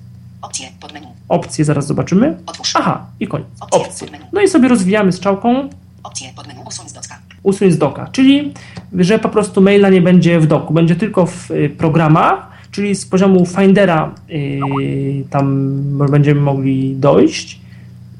Otwórz podczas logowania. Otwórz podczas logowania Pokaż w Finderze. i pokaż w Finderze. Usuń z docka. Otwórz podczas logowania. I gdybyśmy to otwórz podczas logowania sobie zaznaczymy Skrypę. Okno 01 30 39 linia pionowa. i teraz wejdziemy do doka raz jeszcze, bo on z tego doka za każdym razem wychodzi. Mail. Mail i wejdziemy do menu. Menu. Opcje podmenu. Opcje podmenu. Usuń z docka. Znak oznaczenia. Otwórz podczas logowania. O, słyszymy, że jest. No i teraz No i to właśnie. znaczymy. Skrypę. Okno 01 31 06 linia pionowa. Pas. Także tak to, tak to wygląda. To rzeczywiście, to rzeczywiście jest, działa to prosto. Mhm, Szybciej to można, można zrobić. Bo dodajmy jeszcze, że część opcji takich w menu danej aplikacji i to większa część niż w Windowsie jest wspólna. Znaczy z jednej strony tak, bo okna, okna y, są na pewno podobne do siebie. Kiedy voiceoverem czytamy to okno, to tak je zawsze czytamy trochę jak kursorem myszki. Mamy tam prócz różnych elementów graficznych, tekstowych, komunikatów, mamy takie przyciski jak minimalizacja, powiększenie, y, ukrycie różnych rzeczy i nie mamy tak jak chyba mówiliśmy z Robertem y, czegoś takiego jak mm, to takie szybkie wchodzenie do menu, plik tam, coś tam P, czy tam Alt P, Command P, nie, tego nie mamy, tego nie mamy. Mamy y, to menu, które jest wspólne.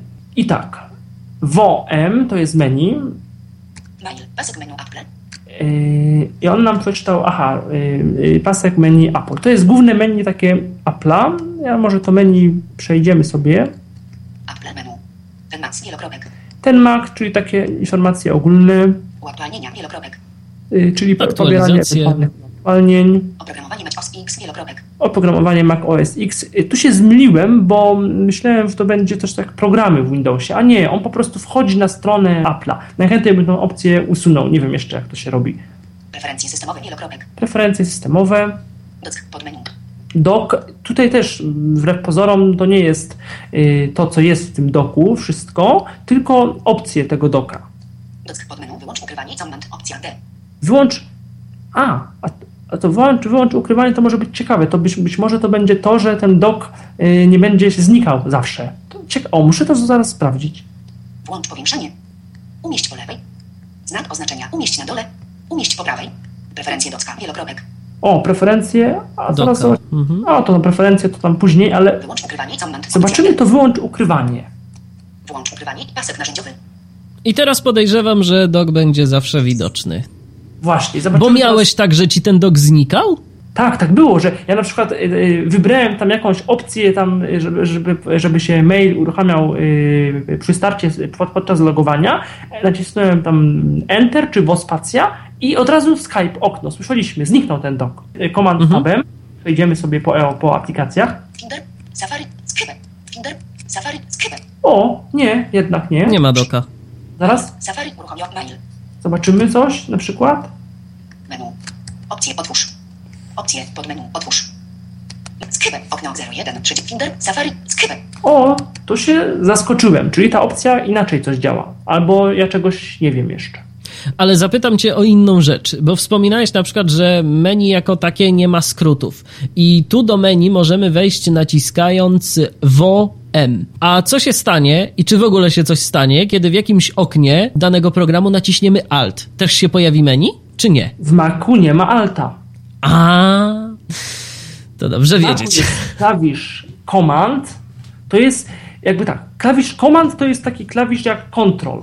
Coś takiego, znaczy jak Control. y, W sensie jak Control, bo y, on jest taki najbardziej systemowy, że na przykład Command S y, to jest zapisz, Command C, Command X, Command V tak samo kopiuj wklej, Command Z cofnij, Command P drukuj, Command Shift S zapisz jako, jeszcze kilka komend. Command W zamknij okno, Command Q zamknij program, Command lewy tam apostrof, czy zwany akcentem, albo Command Shift lewy apostrof, czy tam Command tilda, przechodzenie wstecz i do przodu pomiędzy oknami danego programu. Command cyferki to są często albo zakładki w danych y, aplikacjach, albo przełączanie się między właśnie tymi przestrzeniami, między jakimiś sesjami w różnych tam programach. Ostatnie rzeczy. Pod... Ostatnie rzeczy. O, to jest fajne, można sobie sprawdzić to, co tam robiliśmy. Ostatnie rzeczy pod menu asystent bootcamp. Asystent migracji. Edytor AppleScript. Monitor aktywności. Narzędzia sieciowe. Narzędzie voiceover. Preferencje system right utility text edit. Apple menu. Wymuś koniec wielokropek. No i mamy te opcje dalej kończenia. Uśpij command. Uruchom ponownie wielokropek. Czyli można to sobie przyrównać do takiego jakby meni start No w coś Windowsie. takiego, tak. Tylko, że nie ma opcji wszystkie programy na przykład. Bo to jest I w tak. Finderze. Naciskamy teraz strzałkę w prawo menu. I mamy menu y, jakby danej aplikacji. No w tym wypadku tekst edit, bo ten edytor był uruchom- jest uruchomiony. I to menu y, aplikacji, ono, y, mamy tam w tym menu zawsze możliwość zakończenia aplikacji, zminimalizowania jej, ewentualnie jakieś usługi powiązane, z których ta aplikacja może skorzystać i preferencje mamy zwykle, nie właśnie w edycji, nie w jakichś narzędziach, tylko w tym podstawowym menu danej mm, aplikacji. Czyli jest to Y, po prostu ustandaryzowane. na tyle, ile ja się spotkałem, to zdecydowanie tak. Do, do preferencji z reguły wchodzimy komand przecinek, to taka mm, ciekawostka. I zobaczymy sobie to menu. Y, Naciskamy y, WO mm, to jest to menu Apple. I naciskam strzałkę w prawo, mam text edit, czyli ten program, który mam uruchomiony i pokażę teraz y, to, co mówiłem przed chwileczką, czyli to podstawowe menu text edita. Y, to jest coś takiego też jak, trochę jak alt spacja w aplikacji, takie menu, menu sterowania aplikacją, sterowania oknem w pewnym sensie. No co my tu mamy? Text edit menu. Idę w dół strzałką. Text edit wielokropek. Preferencje wielokropek. Command przecinek. Ukryj text edit command H. Ukryj pozostałe command opcja H. Pokaż wszystkie wyszarzone. Zakończ text edit command Q. Text edit wielokropek. No i koniec. I teraz jak nacisnę dalej strzałkę w prawo, to akurat jest obojętne, czy bym w, zrobił to z WO, czy samą strzałkę, no to będą te podstawowe menu typu Plik menu. Edycja menu. Format menu. Okno menu. O, i sobie zobaczymy, co mamy w tych menu. Te menu są, jak Państwo zobaczycie, mniej więcej podobne do programów Windowsowych. Mają dużo skrótów klawiszowych. Nowy command N. Otwórz wielokropek command. Otwórz ostatni podmenu. Zamknij command W. Zachowaj command S. Zachowaj jako wielokropek command Shift S. Zachowaj jako PDF wielokropek. Zachowaj wszystko. Przywróć do zachowanego. Dołącz pliki wielokropek command Shift A. Pokaż właściwości command opcja P. Układ strony wielokropek command Shift P. Drukuj wielokropek command P. Nowy command N. I dalej. Menu edycja Edycja menu. teraz. Cofnij wpisywanie command Z. Przywróć wyszarzone command Shift Z. Wyszarzone, czyli jakby niedostępne. Nie? Niedostępne. Wytnij wyszarzony command X. Kopiuj wyszarzony co klej wyszarzony command V. Tak samo Wklej i dostosuj styl wyszarzony command Shift opcja V. Usuń wyszarzone. Uzupełnij opcja S. uzupełnię, nie wiem na czym to do końca polega. Zaznacz wszystko command A. Wstaw pod menu. O, wstaw. Co my tu możemy? Wstaw pod menu znak końca wiersza. Znak końca akapitu. Znak końca strony. Znak końca wiersza. O, Edycja ciekawe. plus. Dodaj łączy wielokropek Dodaj, dodaj łącze, Znajdź pod menu. znajdź. Znajdź pod menu. Znajdź wielokropek command F. To strzałką oczywiście rozwinąłem. Znajdź następne command G. Znajdź poprzednie command Shift G. Szukaj zaznaczonego tekstu. Wyszarzony command E. Przyjdź do zaznaczonych command J. Pisownia i gramatyka pod menu. Pisownia i gramatyka, no to Pisownia pewnie... gramatyka pod menu. Pokaż pisownię i gramatykę command dwukropek. Sprawdź dokument teraz command średnik. Znak oznaczenia. Sprawdzaj pisownię, gdy piszę. Sprawdzaj gramatykę i pisownię. Znak oznaczenia. Poprawiaj pisownię. tak dalej. Zastąpienia pod menu. Zastąpienia, co tu jest? Zastąpienia pod menu. Pokazuj zastąpienia. Znak oznaczenia. Inteligentne kopiowanie ukośnik wklejanie. O, nie wiem, czy to dla nas dobre, czy nie. Inteligentne cudzysłowy. Inteligentne myślniki. Inteligentne łącza. Bardzo Tak. inteligentny program. Jak w HTML-u prawie. Detektory danych. Znak oznaczenia. Zastępowanie tekstu. Menu. Przekształcenia pod menu. Przekształcenia. Przekształcenia pod menu. Zamień na wielkie litery. No, to jak w takim edytorze zaawansowanym, to w Windowsie tego nie mamy. Dokładnie. Litery. Od wielkiej litery. Zamień na wielkie litery. Edycja menu. Mowa pod menu. Mowa, to jest gadżet. Mowa pod menu. Rozpocznij mówienie. Wyszarzone. Wstrzymaj mówienie. Wyszarzone. Rozpocznij On mówienie. wtedy mówi angielskim Alexem po prostu, to co jest tam zaznaczone. Niestety, szkoda, że nie polskim. Edycja menu. Mowa. Znaki specjalne. Wielokropek. Znaki specjalne. Cofnij wpisywanie. Command Aha, i koniec. Teraz mamy następne menu. Format menu. Format. Czcionka pod menu. Tekst pod menu. Tekst. Tekst pod menu wyrównaj do lewej command lewa klamra. Na środku command linia pionowa. Wyjustuj. Wyrównaj do prawej command prawa klamra. O, tu trochę inne te skróty klawiszowe. Kierunek pisania pod menu. Znak oznaczenia. Pokazuj linijkę command R. Kopiuj linijkę command Ctrl C. Wklej linijkę command Ctrl V. Ciekawe po co. Odstępy wielokropek. Wyrównaj do lewej command I tak lewa klawisz, dalej, format menu. dalej. Zamień na zwykły tekst command Shift T. Nie pozwól na edycję. Uformuj stronę command Shift W. Stosuj przenoszenie wyrazów. Lista wielokropek. Tabela wielokropek. Czcionka pod menu. I tak dalej. Następne menu, Format, edycja menu. Format menu. Okno menu. okno. No to pewnie na wierzchu i tak dalej. Umieść wszystko na wierzchu. Znak oznaczenia. Bez No jak się okazuje, rzeczywiście. Natomiast ym, ja już po tym menu, y, które ty przedstawiasz, Michale, powiem tak. y, W Windowsie mamy WordPada, ale na pewno ten WordPad nie ma takich możliwości, jaki ma ten program TextEdit, to się nazywa, Tak, tak? na pewno WordPad nam nie zapisze do PDF-u, nie ma sprawdzania pisowni. No właśnie, w przypadku osób niewidomych sprawdzanie pisowni to jest myślę, że bardzo istotna rzecz i myślę, że z tego to powodu właśnie bardzo dużo osób instaluje sobie na przykład Office'a, gdy tymczasem jakieś takie możliwości edycji dokumentu w zupełności wystarczyłby im ten chociażby WordPad, no plus może jakieś tam kilka dodatkowych rzeczy, a tu się okazuje, że TextEdit y, no umieszczony nie w systemie Apple'a. do tego wyrównania nie zrobimy. Mhm. na- No tak. Odstępów między liniami, przypisów, takich rzeczy, to czasami się korzysta, nie dodamy. No tu też przypisów oczywiście nie ma, ale, ale jakby do takich, y, jak ktoś nie pisze pracy jakiejś naukowej, czy tam w szkole, czy na studiach, no to w zasadzie też ma. Byleby ten dokument wyglądał w miarę ładnie, to możemy zrobić za pomocą tego TextEdita spokojnie. Tak, no możemy teraz wcisnę escape, wyjdę z tego menu i wyjdziemy sobie z używania tekstu Przebij korzystanie z edycja tekst. Linijka. i wejdziemy w linijkę, czyli w taki powiedzmy pasek narzędziowy. I co my tu mamy? I teraz nawiguję voice over kursorem, czyli vo strzałka lewo w prawo. Wyrównanie tekstu. Grupa przycisków wyboru. Między akapitami i wierszami. Przycisk menu. Listy. Przycisk menu. Znaczniki tabulatorów. Grupa. Znacznik linijki wcięcia nagłówka. Znacznik linijki wcięcia pierwszej. Lewy tabulator. Lewy tabulator. 2.0. Lewy tabulator. Lewy tabulator. Lewy tabulator. Lewy Aha. tabulator. 6.00 cm. Tu możemy sobie ustawiać tabulację. Lewy, lewy, znacznik linijki wcięcia stopki. Style, przycisk menu. Wyrównanie tekstu. Grupa przycisków. Odstępy między listy. Przycisk menu. Znaczniki I tak dalej. No, prawda jest taka, że my to bardzo poglądowo omawiamy, kiedy ja albo ktoś nauczymy się już bardziej edytować teksty na Macintoshu, bo to na pewno, bo to jest trochę inne niż w To jest trochę inne i ja zaryzykuję twierdzenie, że nawet bardziej prawdziwe. dostępne, bardziej dostępne i bardziej prawdziwe, jeżeli ktoś nie zna skrótów. Word ma bardzo dużo skrótów, yy, więc jeżeli ktoś je zna, to jest w stanie sobie z wszystkim poradzić. Yy, JOS jeszcze dodatkowych ma tych yy, w skryptach swoich na przykład bardzo dużo skrótów, które usprawniają pracę, ale te skróty trzeba znać. A tu okazuje się, że na tej linijce, którą przed momentem demonstrowałeś, jest dużo takich opcji, które mogą w rzeczywistości być przydatne i tych skrótów wcale aż tak bardzo nie trzeba znać, nie trzeba ich pamiętać, a można z tego korzystać.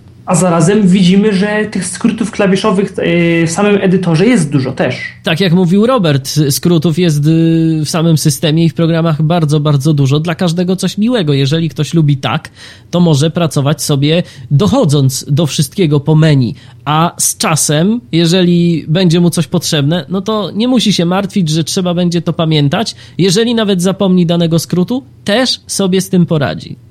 Tak, ja powiem o czymś jeszcze, o czym trochę o tym mówiliśmy, ale no to jest dla mnie bardzo istotne, więc no nawet jeżeli się powtórzę, to przepraszam, ale, ale myślę, że to jest naprawdę ważne. Bo pytałeś, co jest też takiego innego w systemie, czy w ogóle w pierwszej takiej reakcji w komputerach Macintosh, jak się z nimi zetkniemy. No ja No właśnie. o tym wcześniej wiedziałem oczywiście, ale to jest taki sposób właśnie przeglądania voice over kursorem, czyli takim trochę przeglądanie w trybie no jakby kursora myszki z możliwością pisania jednak i wpływania na to, co robimy. Tak jak Robert mówił, ekran oglądamy z wierzchu i we wszystko musimy wejść w interakcję, czyli bo w JAWSie, WindowsIO jest tak, że uruchamiamy program, załóżmy ten tam WordPad czy coś, jest edytor tekstowy, jest e, ekran edycyjny, kursorem góra, dół, lewo, prawo czytamy tekst, Ewentualnie kursorem myszki gdzieś tam wchodzimy w y, jakieś menu, paski narzędziowe, zamykania okna i tak dalej, albo klawiszem Alt wchodzimy do menu danego programu. Jeszcze musimy pamiętać, czy to jest kursor PC, czy kursor JAWS, bo inaczej nam wtedy źle czyta. To szczególnie JAWS jest taki Bo w Windows'u nie ma tego problemu. bo Windows, a tak, JAWS ma inne super plusy, że jakby dużo da się zrobić z poziomu klawiszy kursora i taba i on jest tutaj po prostu świetny, bardziej inteligentny od Windows, a z drugiej strony właśnie czasami jak się przełączy załączymy na kursor myszki w JOSie, no to on wtedy głupieje, bo jakby ma zupełnie inną obsługę inaczej jakby tą klawiaturę przechwytuje i tak dalej.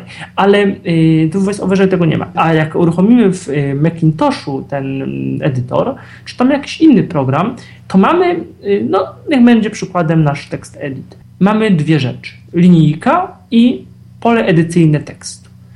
Jeżeli chcemy coś zrobić w linijce, czyli ustawić jakieś opcje edycji, musimy wejść w interakcję z tą linijką.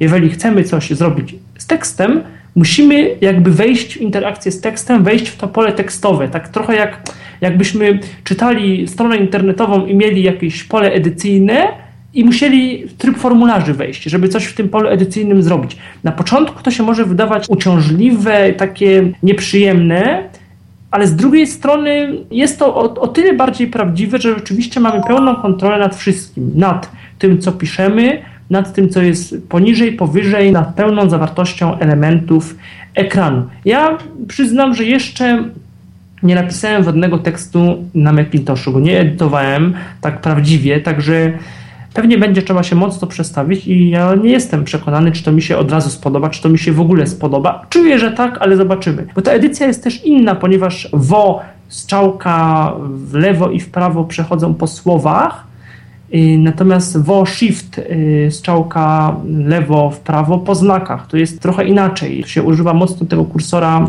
y, tych klawiszy wo. To na początku też się wydaje się takie dziwne. Możemy normalnie użyć klawiszy kursora, ale Tutaj efekt lepszy jest z tymi klawiszami y, WO. Też możemy, to co mówiłem, mówiliśmy z Robertem, włączyć taką opcję, że nam czyta to, co jest za kursorem, ale też, y, że nam czyta i za, i przed kursorem, co na początku jest bardzo drażniące. Taka opcja jest domyślnie y, włączona. Z tą edycją jest trochę, nie to, że kłopotów, ale ona jest inna. Ona jest, jest po prostu pewno... inna. Jeżeli ktoś na PC pracował przez długie, długie lata, no to może na początku się zdziwić. Natomiast ja jeszcze zauważam jedną rzecz. I wydaje mi się, że tu voiceover będzie miał e, przewagę nad e, czytnikami ekranu Windowsowymi e, w tym swoim kursorze. W tym kursorze jakby myszki. Popraw mnie, jeżeli się mylę. Ale czy przypadkiem nie jest tak, że kiedy chodzimy sobie po tym ekranie Maca za pomocą kursora, to nigdy nie ma takiej sytuacji, jaka bardzo często zdarza się na przykład, jeżeli chcemy obejrzeć sobie pulpit za pomocą czy JOSa, czy Windowsa, używając JOS kursora. O co mi chodzi? Mamy powiedzmy listę. I ta lista wygląda pod myszką następująco. Mój dokumenty, kosz sieciowe i tak dalej, i tak dalej. O, o, o, o, właśnie. Tak to jest po prostu czytanie kompletnie nielogiczne, mm, bo on y, nie hierarchizuje, znaczy on, JOS oczywiście Windows ma te mechanizmy skryptowe hierarchizacji, mechanizmy DOM i tak dalej, MSA robi swoje, y, ale to wszystko y, sprawia, że kiedy coś właśnie chcemy myszką przeczytać, to rzeczywiście można się zgubić. W Windows to jest trochę lepiej chyba, zdaje się. Wiesz co, jest no. podobnie. Powiem ci, że jest podobnie, tak, że te ikonki potrafią czasem na siebie nachodzić i czasem też jest tak, że nie zawsze dana ikonka jest widoczna. Na przykład może być tak, że ona nam gdzieś ucieknie, gdzieś się schowa. Tu chyba nie ma takich problemów. Nie, tu tego problemu rzeczywiście nie ma. No dobrze, no przejdźmy sobie. Ja wyjdę z tej interakcji. Lewy tabulator. Oj, nie. Yy... Lewy tabulator. Przerwij korzystanie z lewy tabulator. A. Przerwij korzystanie z linijka. O, bo to jest tak śmiesznie, że wszedłem w interakcję z linijką, był tabulator, wszedłem w tabulator i ten tabulator jeszcze miał jakieś parametry i musiałem wejść w interakcję z tymi jakimiś tam parametrami. Tworzy nam się takie swoiste drzewo. Tak, i włączcie do interakcji z, z, napisem, z samym słowem, które można skopiować do schowka. To jest też ciekawe. Przy okazji powiem, że zaznaczanie jest inne, bo nie shift, a wo enter początek i koniec zaznaczenia i nie ma tego problemu, co jest y, w Windowsach, że z shiftem zaznaczamy i jak naciśniemy strzałkę jakąś y, na tym tekście zaznaczonym, to nam znika zaznaczenie momentalnie. Tu jest tak trochę jak było w DOSie, że, czy w jakichś kompilatorach, że tam początek bloku i koniec bloku i możemy sobie śmiało po tym tekście nawigować po prostu. I nie ma też obaw w związku z tym, że jest to po prostu lepiej dopracowane, że na przykład zaznaczy nam się coś, czego byśmy nie chcieli. Jesteśmy w interakcji z daną kontrolką, czyli na przykład z polem edycyjnym i śmiało możemy po tym polu sobie chodzić zaznaczy nam się tylko zawartość tego pola. Tak, to na początku jest denerwujące, bo już potem pokażemy, ale w internecie jest dziwne. No czyta nam cały akapit, no i co? Jak teraz zaznaczyć dane jedno słowo? No to dziwnie. Trzeba wejść w interakcję z tym akapitem, znaleźć to słowo, je zaz... To takie się dziwne na początku wydaje. Rzeczywiście, to jest takie trochę inne czytanie, że czytamy tak jak y, Robert mówił, po wierzchu, jakby z lotu ptaka i dopiero wchodzimy w dane szczegóły czegoś, co nas interesuje, czegoś, z czym coś chcemy zrobić. Musimy Tak się po prostu do tego przyzwyczaić. Tak, ale wyszedłem z tej interakcji z y, linijką. Mamy te dwa elementy ekranu, po których idę góra-dół. Edycja tekst. Linijka. Edycja tekst. Linijka. Edycja Zresztą tekst. obojętnie, czy strzałką góra-dół, czy lewo-prawo, to nie ma znaczenia. A jakbym teraz wo ze strzałkami lewo-prawo, co się stanie? Linijka. Edycja tekst. Linijka. Edycja linijka. Edycja tekst. Jest to samo. To samo. To widzę, że to okno jest to samo. Nie ma żadnych innych tam, mm, żadnych innych elementów niejako okna. Ale gdybym chciał pokazać, jak ten voice ku- kursor czyta okno całe.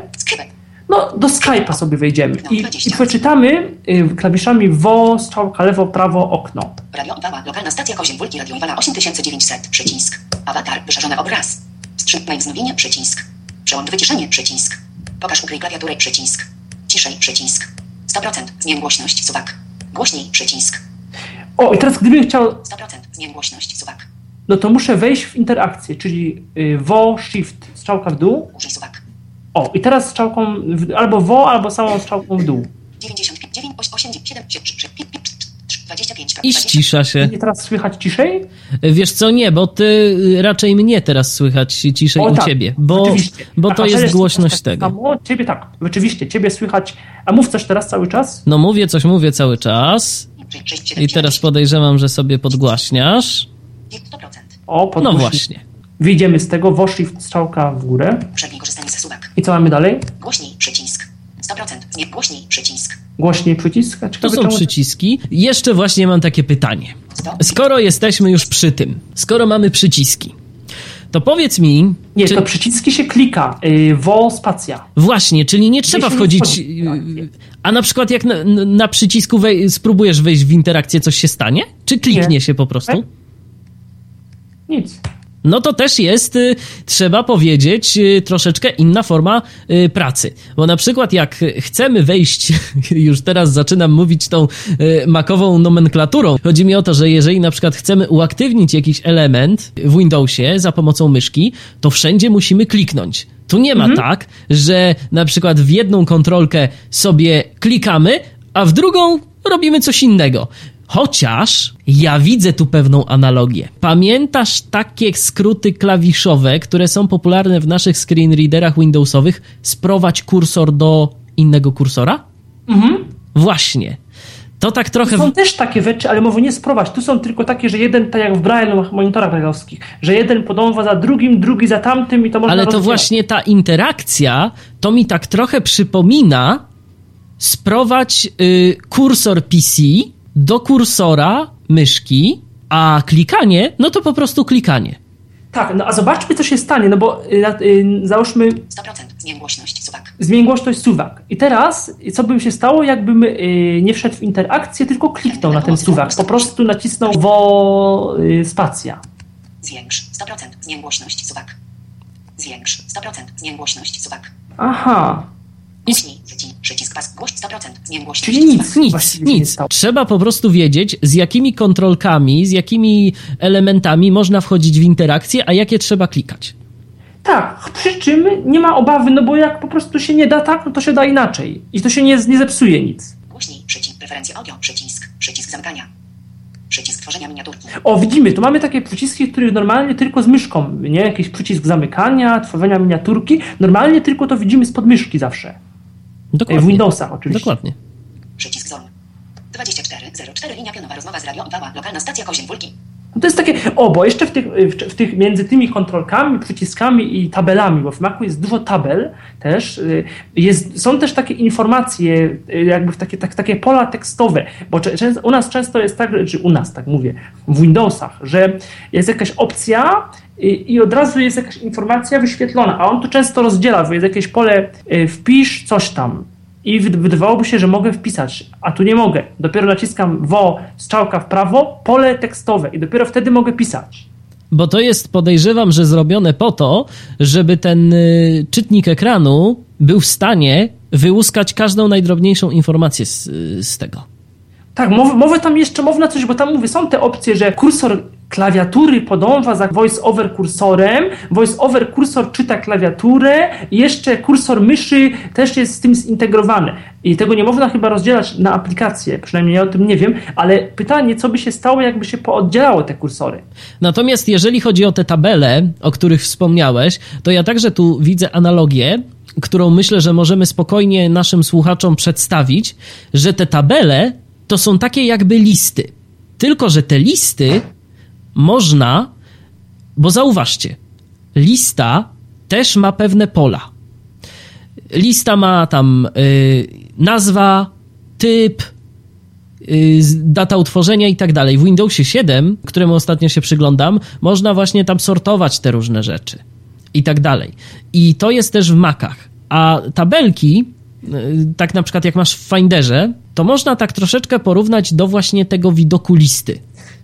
Tak, no tam jeszcze mamy te widoki kilka, tam jest widok listy, ikon, ten cover flow, tam, tam takie, że obrazki. No w mailu to szczególnie, to jest w ogóle dość trudne. Ja przyznam szczerze, że mam do dzisiaj pewien problem, no może jeszcze mi się uda z nim oswoić. Fajny program, ale wszystko w tych tabelach. Jedna tabela to są skrzynki, więc trzeba wejść w interakcję, wybrać skrzynkę.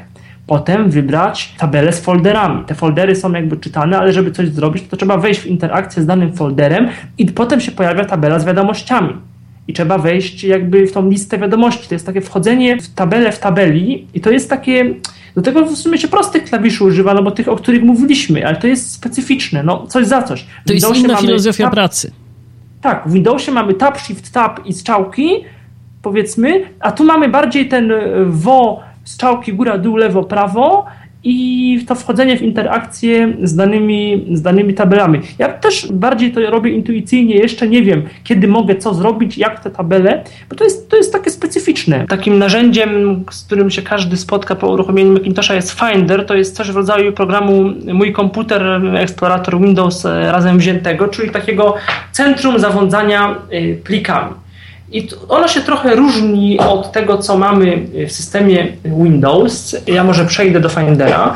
To będzie słychać takie specyficzne dźwięki Macintosha, bo włączyłem dźwiękową sygnalizację w VoiceOver. Mnie to szczerze mówiąc trochę denerwuje, ale być może niektórym to pasuje. Program można bardzo różnie obsługiwać. Foldery można z jednej strony otwierać je rozwijając, naciskając komand strzałka w dół, a i zwijając, naciskając komand strzałka mm, w górę. Y, można po prostu kombinacją klawiszy Command O y, otwierać y, dany folder albo dany program, bo tutaj Enter nie działa, tutaj Command O nam posłuży do otwierania, albo klawisze WO Y, spacja, czyli takie po prostu kliknięcie i wywołanie danego y, elementu. No i potem mamy pasek narzędziowy, w którym mamy różne polecenia, pasek boczny, w którym mamy dostęp do różnych urządzeń, dysków i tak. Y, nim cośkolwiek pokażę, mm, wspomnę o tym, że nieco inaczej się instaluje programy w stosunku do systemu Windows, bo no w Windowsie mamy pliki exe, no względnie spakowane pliki, które rozpakowujemy i mamy jakiś tam gotowy folder już z programem takim bardziej portable. Tutaj y, no, wygląda to o tyle lepiej, że w pewnym sensie to jest też trochę portable, bo często program można ręcznie skopiować z miejsca do miejsca i po prostu on działa. No chyba, że są jakieś, jest wiele plików, które na przykład część z nich umieszcza, yy, umieszczane są wspólnie, część dla danego użytkownika, to gdzieś tam może być potem problem z lokalizacjami tych plików i trzeba wiedzieć, jak system jest skonstruowany. Natomiast o tyle jest lepsze, że w Macintoshach nie ma rejestrów, czyli nie ma tego problemu, że coś yy, się zapisuje w rejestrach, potem trzeba w tych kluczach szukać, to wszystko jest po angielsku. Trzeba Czasem znać... eksportować być może, jeżeli chcemy gdzieś przenieść coś, albo jeżeli nam się coś wysypie. No pamiętajmy, że mm, z rejestrami związanych też jest sporo problemów, bo te rejestry nam puchną, yy, kiedy instalujemy dużo oprogramowania. Zazwyczaj ciężko później jest yy, z tych rejestrów różnych śmieci się pozbyć, yy, no chyba żeby skorzystać z konkretnych jakichś programów narzędziowych do tego przeznaczonych. tak, CCleaner, fajne narzędzie, skąd inąd. A tutaj y, są dwa sposoby, bo są pakiety takie instalacyjne, nie pamiętam teraz z jakim rozszerzeniem, i są programy DMG, takie wirtualne obrazy dysków. I te wirtualne obrazy oczywiście uruchamiamy w sposób taki, jak mówiłem, czyli Command O albo WO spacja. I wówczas uruchamia się tak coś jak plik zip spakowany w Windowsie, czyli jakby on tak się nam otwiera i jest folder, w którym najczęściej jest skrót do aplikacji, albo program taki instalacyjny, albo już gotowy program do, do uruchomienia. Wtedy wystarczy ten program zaznaczyć, właściwie tak powinno się zrobić, jak rozumiem, zaznaczyć i skopiować go do, do programów po prostu, czyli jakby poziom, poziom wyżej, albo w osobnym okienku uruchomić y, programy. Wówczas już mamy w folderze programy, ów program, który nas interesuje. Potem go uruchamiamy i na przykład przyklejamy sobie do doka, żeby w doku y, był na stałe, żebyśmy do niego mieli łatwy dostęp. Albo umieszczamy skrót na jednej z przestrzeni y, Space, ale tego jeszcze nie testowałem. Pokażę teraz może Finder. O, jest Finder. Ciekawą rzeczą w Finderze jest możliwość przechodzenia do takich kluczowych elementów naszego komputera. I tak, Command Shift C przechodzi nam do komputera, coś w rodzaju mój komputer. Naciskamy. Komputer. Komputer. I teraz co my tu mamy? Dwa rzeczy.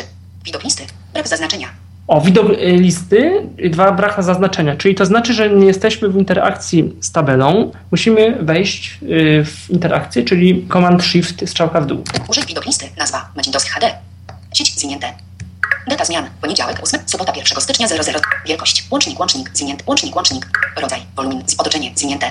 No ja w tym momencie, Michale, szczerze powiedziawszy, trochę już się zdążyłem zdezorientować. Zresztą ja zawsze, kiedy słuchałem na przykład na Blind Kulteku yy, jakichś informacji i w momencie, kiedy ktoś opisywał tego Findera, to ja zawsze doznawałem takiego uczucia dezorientacji, kiedy ktoś próbował coś tam robić. No bo tu jakaś data, tu jakiś łącznik, tu jakieś coś jeszcze, a... I powiem, i powiem szczerze, że ja taką dezorientację mam w tej chwili obecnej ciągle jeszcze. Myślę, że nawet może to być nagrane, żeby nie było, że tak wszystko tak, jest... Tak, tak, tak, bo to, bo to po prostu jest ciekawe. Teraz może powiedz dokładnie, co ty w tym momencie robisz, żebyśmy wiedzieli... Ja Aha, to co robię, to wiem. Y, naciskam w strzałki, bo jeszcze taka jest kwestia, że w Macintoshach tak naprawdę nie ma wielkiej, jak już wejdę w interakcję z tabelą, to nie ma wielkiej różnicy, czy ja naciskam strzałkę góra, dół, lewo czy prawo. Z jednej strony to jest dobre, bo po prostu jeżeli mm, on krąży po tej, po tej tabeli cały czas tak naprawdę, po, po elementach. Jak skończy czytać jeden y, wiersz tabeli, to przechodzi do drugiego. Rozumiem. Czyli aha, a nie da się skakać jakby po, po wierszu, bo ja podejrzewam, że tak. Mamy tu jakąś taką tabelkę, w której są następujące rzeczy. Takie jest zresztą jak na przykład w liście, czyli na przykład nazwa, typ, data i tak dalej. Ale ja na przykład nie chciałbym słuchać informacji o tym, co zostało jakiego dnia zmodyfikowane. Ja bym chciał informacje tylko o nazwach elementów, po których się poruszam. No, zgadza się. Też, dobrze, to może tak. Wyjdę z tabelki. Przewij korzystanie z widok listy. Jed Macbok demo. Pionowo element poddziału. Macbok demo. Idę w dół. Widok listy. Jeden wiersz zaznaczony. Nazwa. Macintosh HD. Data zmian. Poniedziałek 8 lutego 2010. Godzina 12.05 i 48 sekund. Czas Polska. Wielkość. Łącznik. Łącznik. Rodzaj. Wolumin. Wiersz 1. Zaznaczono 1 z 2. Widok listy. Jeden wiersz. I teraz jak słyszałeś, no... Yy... No powiedział, powiedział. I teraz wchodzę w tabelkę. Yy, wo, shift, strzałka w dół. Użyj widok listy. Nazwa. Macintosh HD. Aha. I, teraz, I gdybym nacisnął strzałkę w prawo albo wo strzałkę w prawo, po prostu na jedno wychodzi w tym wypadku. Mhm. Zmian. Poniedziałek 8 lutego. No dokładnie. Dobrze, ale tu mamy na przykład tylko jeden y, element na tej liście. Może żeby było nie, to... Nie, mamy, mamy poniżej drugi element. Aha.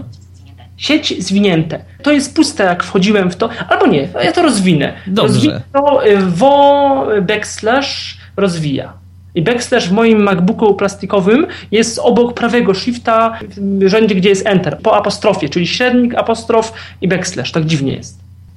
Rozwiń. Sieć obejmuje zero rzeczy. Wiersz dwa rozwinięty. Wier... Data zmian. Poniedziałek. Nazwa. Sieć luźny. Użyj grupa. Dwa rzeczy. Trójkącik zamykania. No wszedłem w grupę i co my tu mamy? Sieć. Trójkącik zamykania. Trójkącik zamykania. Sieć. Trójkącik zamykania.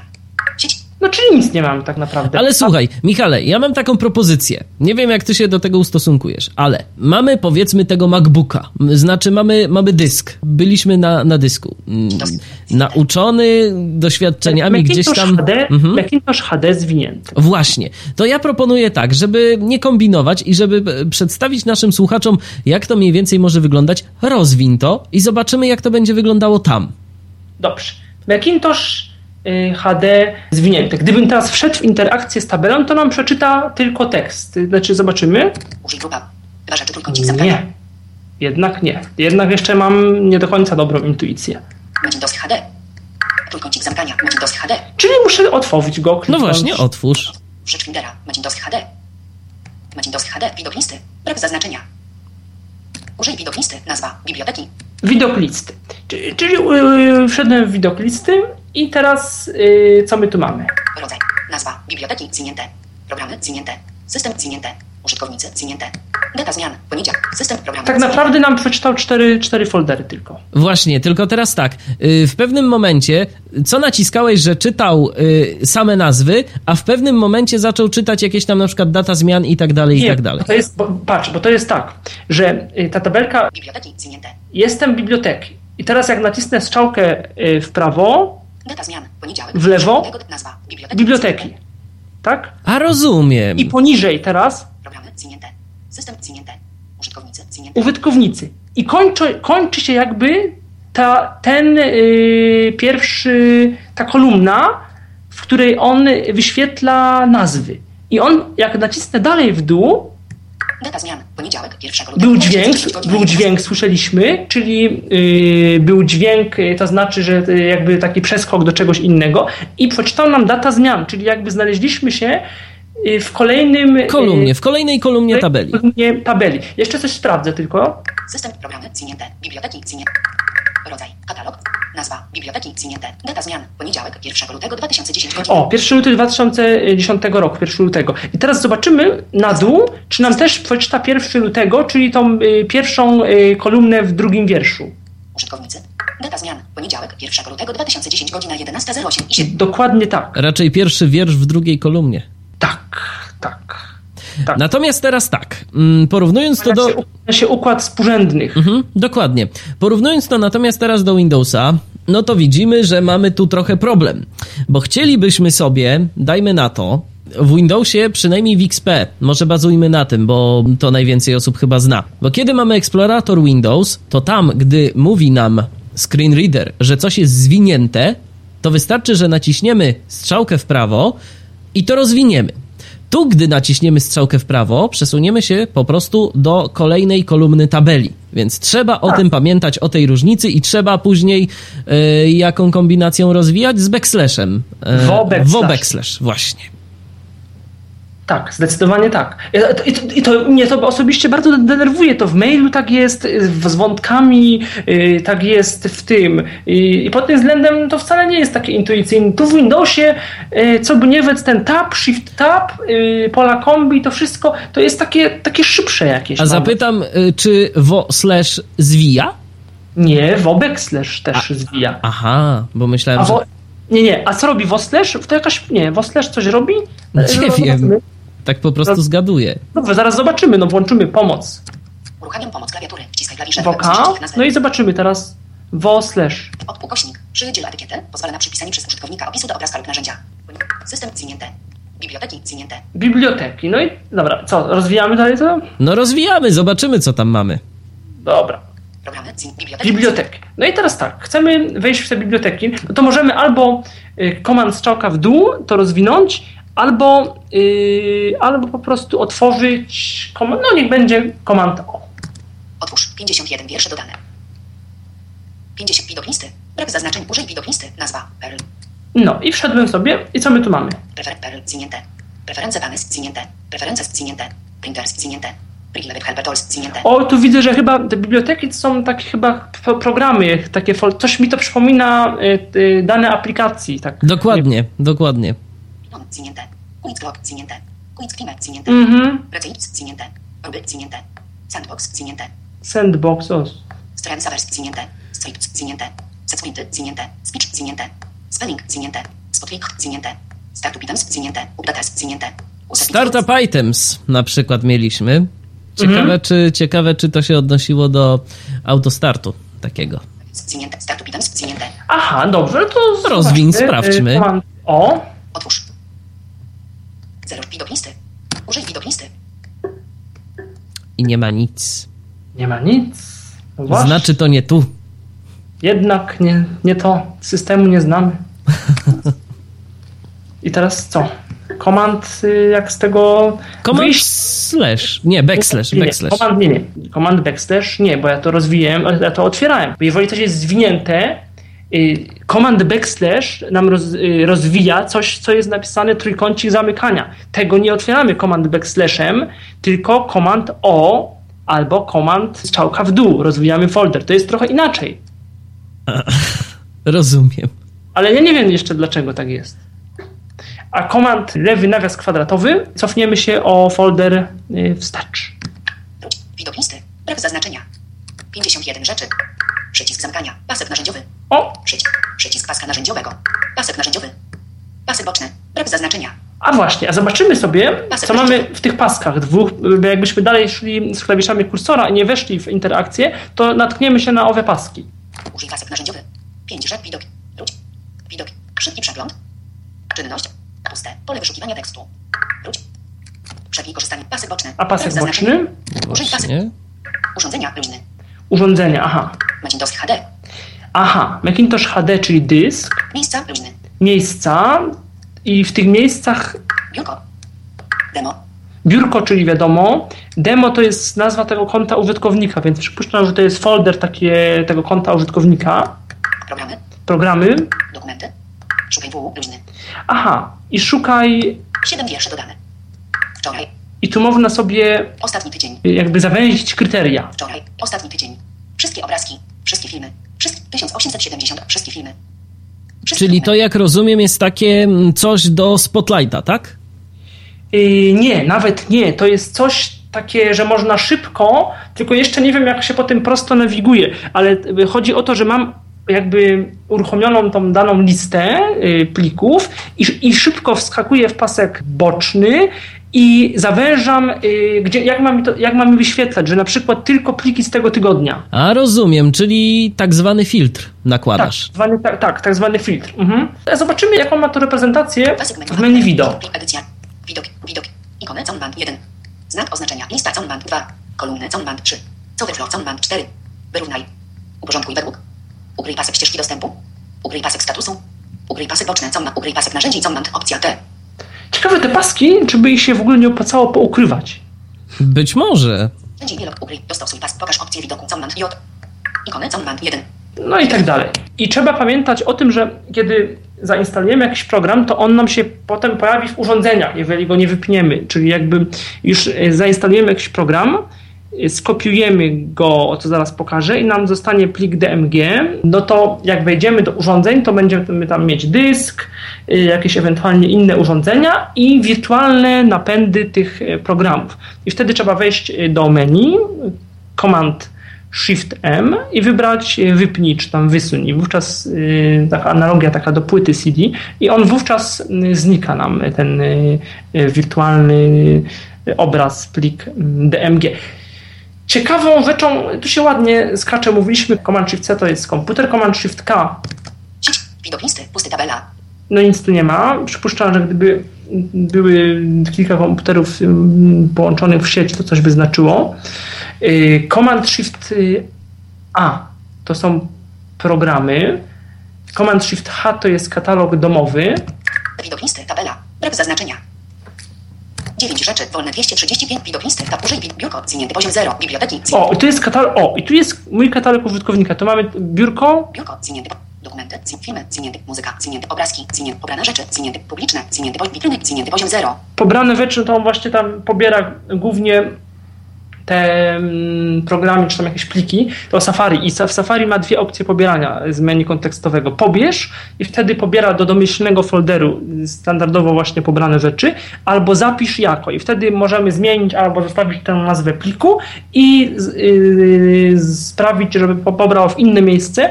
I yy, mamy takie podmenu, pobierz dokąd tam do jakiegoś miejsca i gdy w to klikniemy, to mamy do wyboru właśnie katalog użytkownika, programy, pobrane rzeczy i jeszcze kilka innych y, sensownych opcji, z których no fajnie, że ta opcja programy jest dostępna, no, do, do, to do pobierania programów się na pewno y, przydaje. Nie wiem, czy jest taka funkcja jak w Explorerze, że po, y, po skopiowaniu proponuje otwarcie danego pliku. To czasami się przydaje, ale w Windowsie tutaj tego mm, jak do tej pory nie znalazłem. Publiczne. A biurko, nie pytałeś. Obrazki, muzyka, filmy, dokumenty, biurko, biurko. Mamy biurko. Biurko, katalog. Zero rzeczy, widok listy, pusty tabela. No, Puste biurko, bo ty jakoś z biurkiem się nie zaprzyjaźniłeś. No bo to biurko trzeba, e, jak się okazuje, włączyć po prostu w preferencjach, żeby ono było dostępne. Te biurka można też naciskając kilkakrotnie Command M wywoływać, bo pierwszy raz to jest... Pasek menu Apple. Jeden. Menu dodatkowe z menu. O właśnie. O. Pasek menu Apple. 1. Menu dodatkowy z menu. I mamy. Znak oznaczenia 1, 2, 3, 4. Otwórz preferencje z access wielokropek. Znak oznaczenia 1. I byśmy nacisnęli Enter, byśmy tu weszli, a zobaczymy w menu kontekstowym, czy coś mamy. Nie, menu tutaj Obiekt, którym się znajdujesz, to pozycja menu. Aby wybrać tę pozycję menu, naciśnij Ctrl Opcja Spacja. Aby zamknąć to menu, naciśnij Escape. No, wo spacja. Finder, okno, biurko, widok listy, pusty tabela. Akurat pusty, pusty tabela jest. Pokażę teraz może programy w Finderze. Bardzo prosto do nich wchodzimy. Wystarczy nacisnąć Command Shift A. Programy. Programy. 39 widok listy, tabela. Użyj widok listy, tabela. No i mamy wszystko, co jest dostępne w systemie. Szybko sobie przelecimy. Jeszcze powiemy ewentualnie to, o czym nie powiedzieliśmy. Rodzaj, nazwa, adium, Album z ściągami. Adium, a to już nie systemowy, to ja zainstalowałem. Komunikator internetowy. Z serwera gadu, gadu mi wszystko ściągnął. Czyta statusy, czyta częściowo opisy tutaj się dziwnie trochę nawiguje, w tym sensie, że pole edycji tekstu to jest jedna rzecz i w tym polu edycji nie przychodzi nam wiadomość, tylko przychodzi nam do takiego osobnego HTML-a i trzeba z tej edycji się przenieść na HTML-a y, i odczytać to, co nam przyszło. I to jest takie trochę dziwne. Podobno można przypisać dźwięki różnym zdarzeniom, jakie w Adium mają miejsce, czyli że ktoś jest dostępny albo niedostępny, ale szczegółów nie znam. Na pewno plusem programu Adium jest to, że on obsługuje wszystkie sieci możliwe wszystkie, czyli ICQ, Jabber, Gadu Gadu, Google Talk, również te bardziej macowe, czyli połączenie Maców przez sieć lokalną, czy MobileMe, ale też AOL, Yahoo, nawet y, Facebook, y, Lotus, czyli, czyli no właściwie wszystko, taka coś jak Miranda. Na, no właśnie, na... jest bardzo uniwersalny z tego, co opowiadasz. Zresztą możemy na sekundkę uruchomić ten program. Pusty Arcadius, dostępny poziom 1. Pusty infobot, dostępny. Opis na dzień kobiet podaruj wyjątkowy opis graficzny www.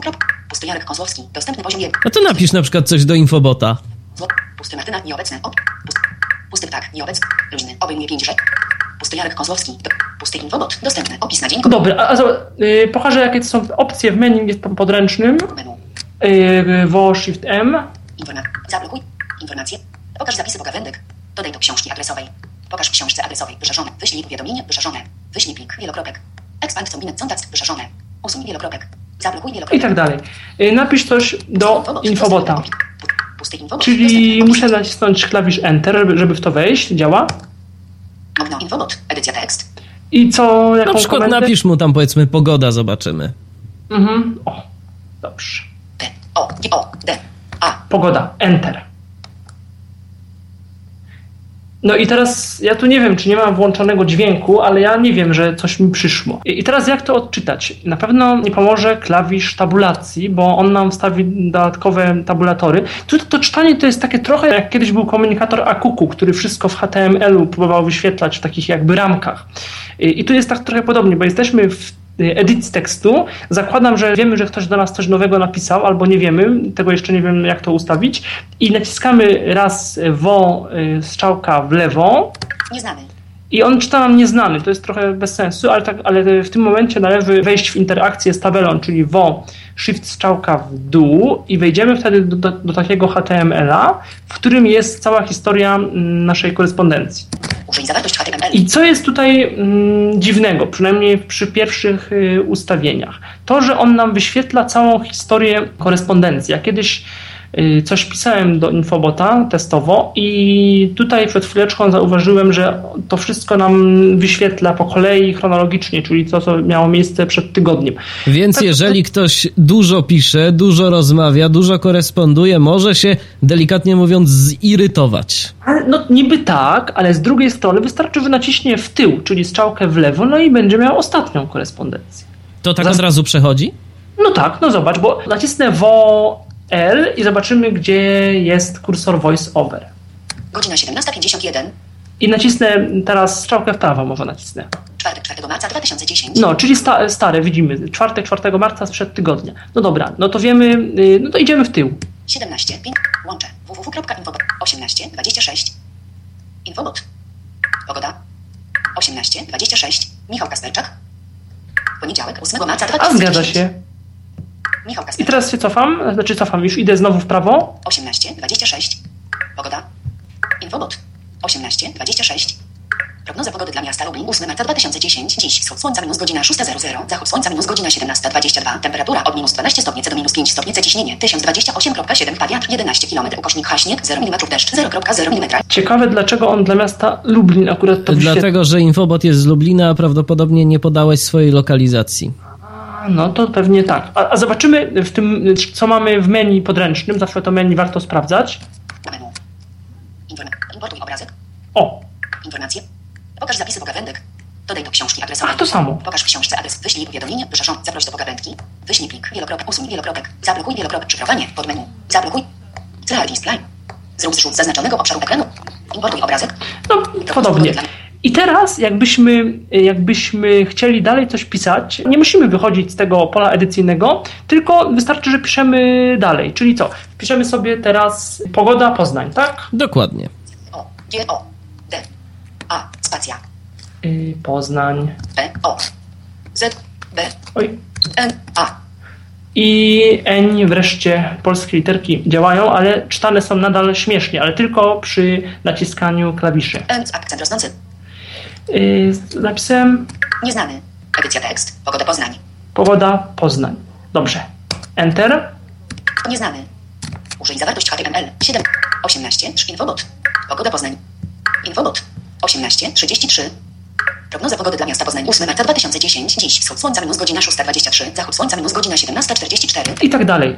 I było słychać, że nawet sprawnie to odczytałem. No szybko. dokładnie, dokładnie. A Czyli powiedz mi, czy na przykład jeżeli jest y, więcej e, rozmów, to jakby te mm, rozmowy są, tak jak na przykład jest w Mirandzie, że są zakładki, To znaczy, tu w ogóle mi się wydaje, że, że tu jest w ogóle ekstra, bo, bo byśmy mogli teraz nacisnąć y, po prostu, nawet nie wyjdę z tego HTML-u, nacisnę y, Command N i to on nam otworzy nowe okienko.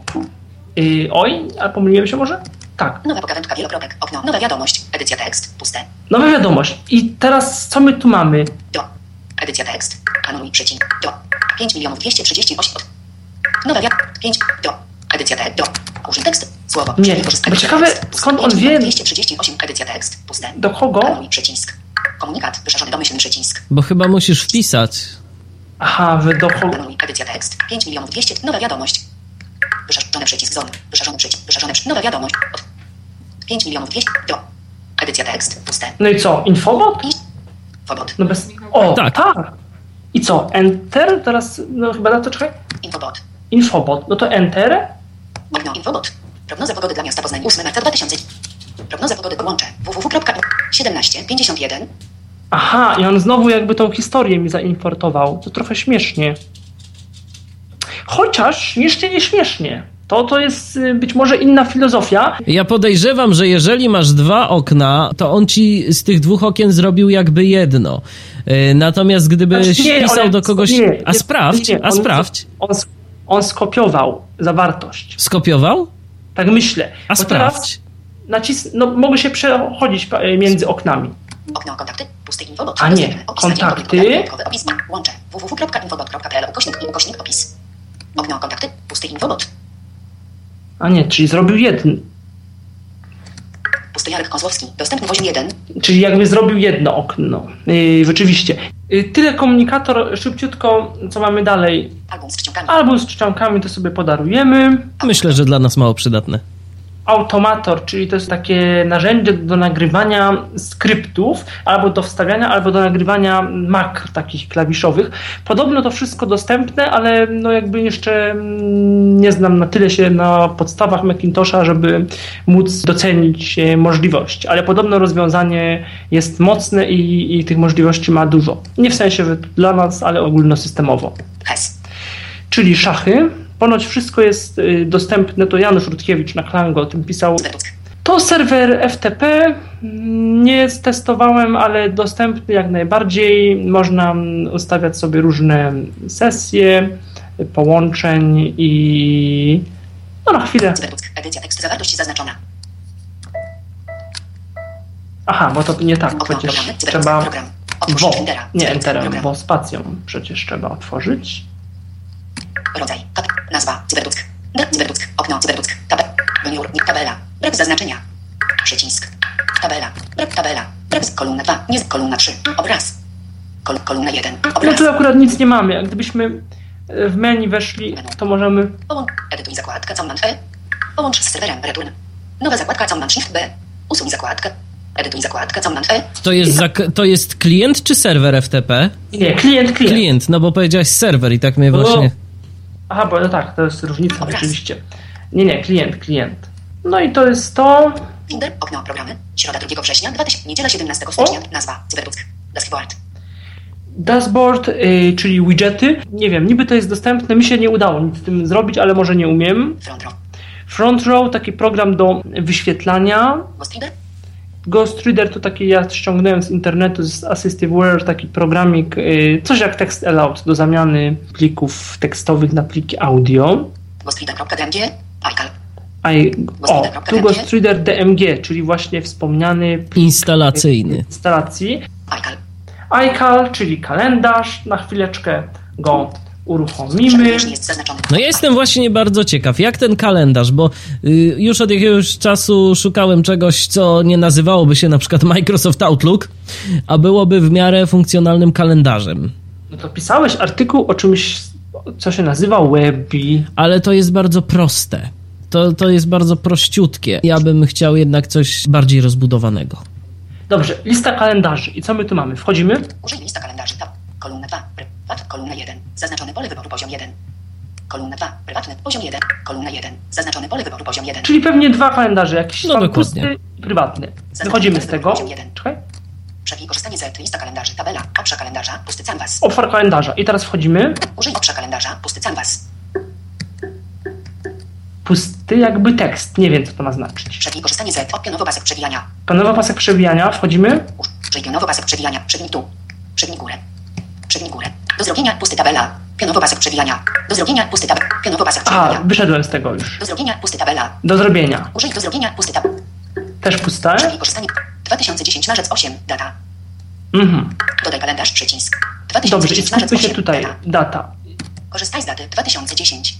A jakbyśmy w dół szli. 2009. Mhm. 2010. Aż w prawo. Marzec. Dzień 8. O, Bardzo wygodne, jak na razie. Dzień 8. Marzec. dobrze. I teraz co mamy? Na przykład coś robimy na Na jutro powiedzmy. Luty. Marzec. Dzień 8. To musisz jeszcze, o. 9 marca. I teraz zobaczymy sobie w menu, pewnie, no, idąc tak po najprostszej możliwości, yy, czyli WO, Shift, M menu, to tak menu kontekstowe takie. Co, nie działa? Uuu, nie działa. To, to może trzeba kliknąć w tą datę. Nie.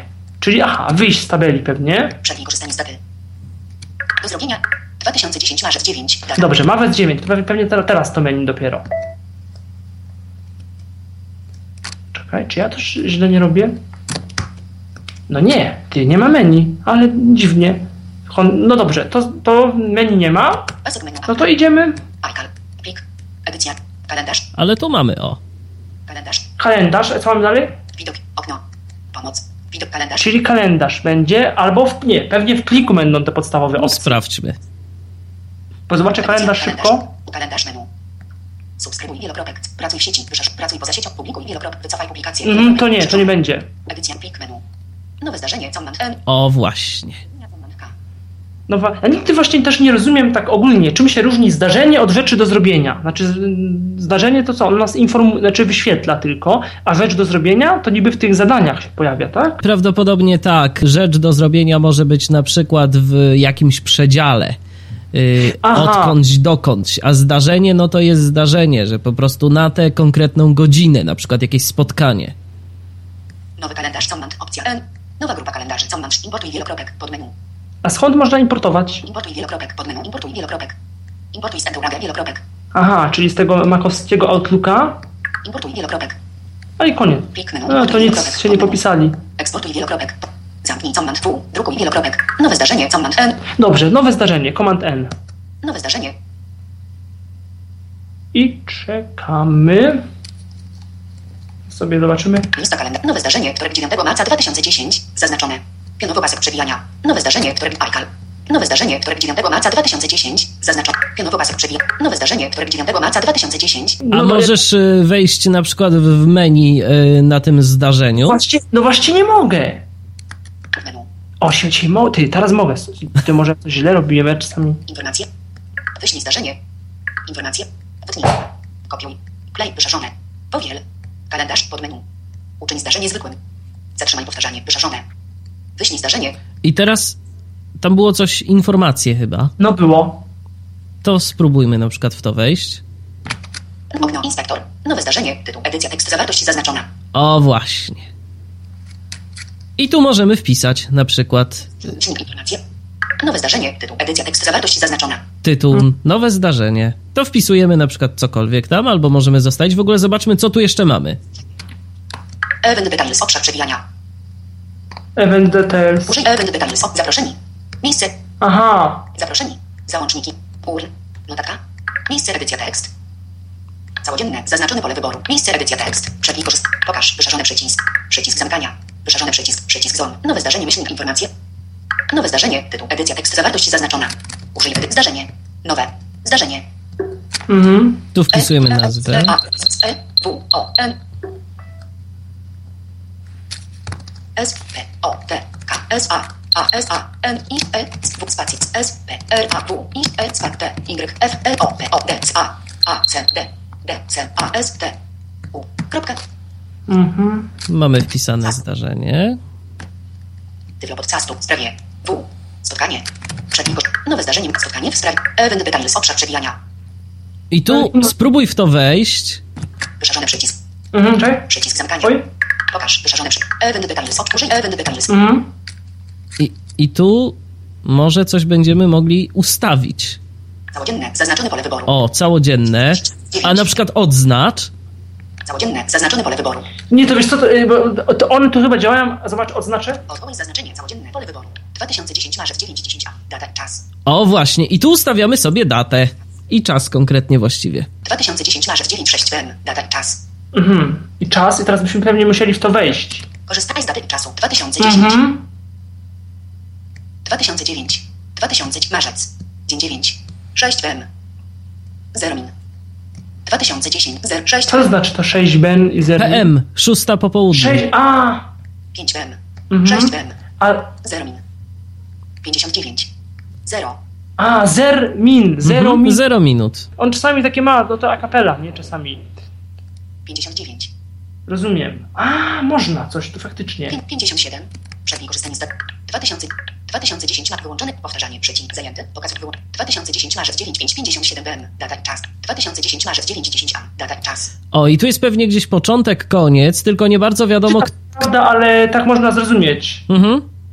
Wyłączony. Powtarzanie przycisk. Wyłączone powtarzanie Pokazuj jako przycisk. pokazuje jako, no to zobaczymy. Menu znak oznaczenia zajęty. Aha, zajęty. Wolny.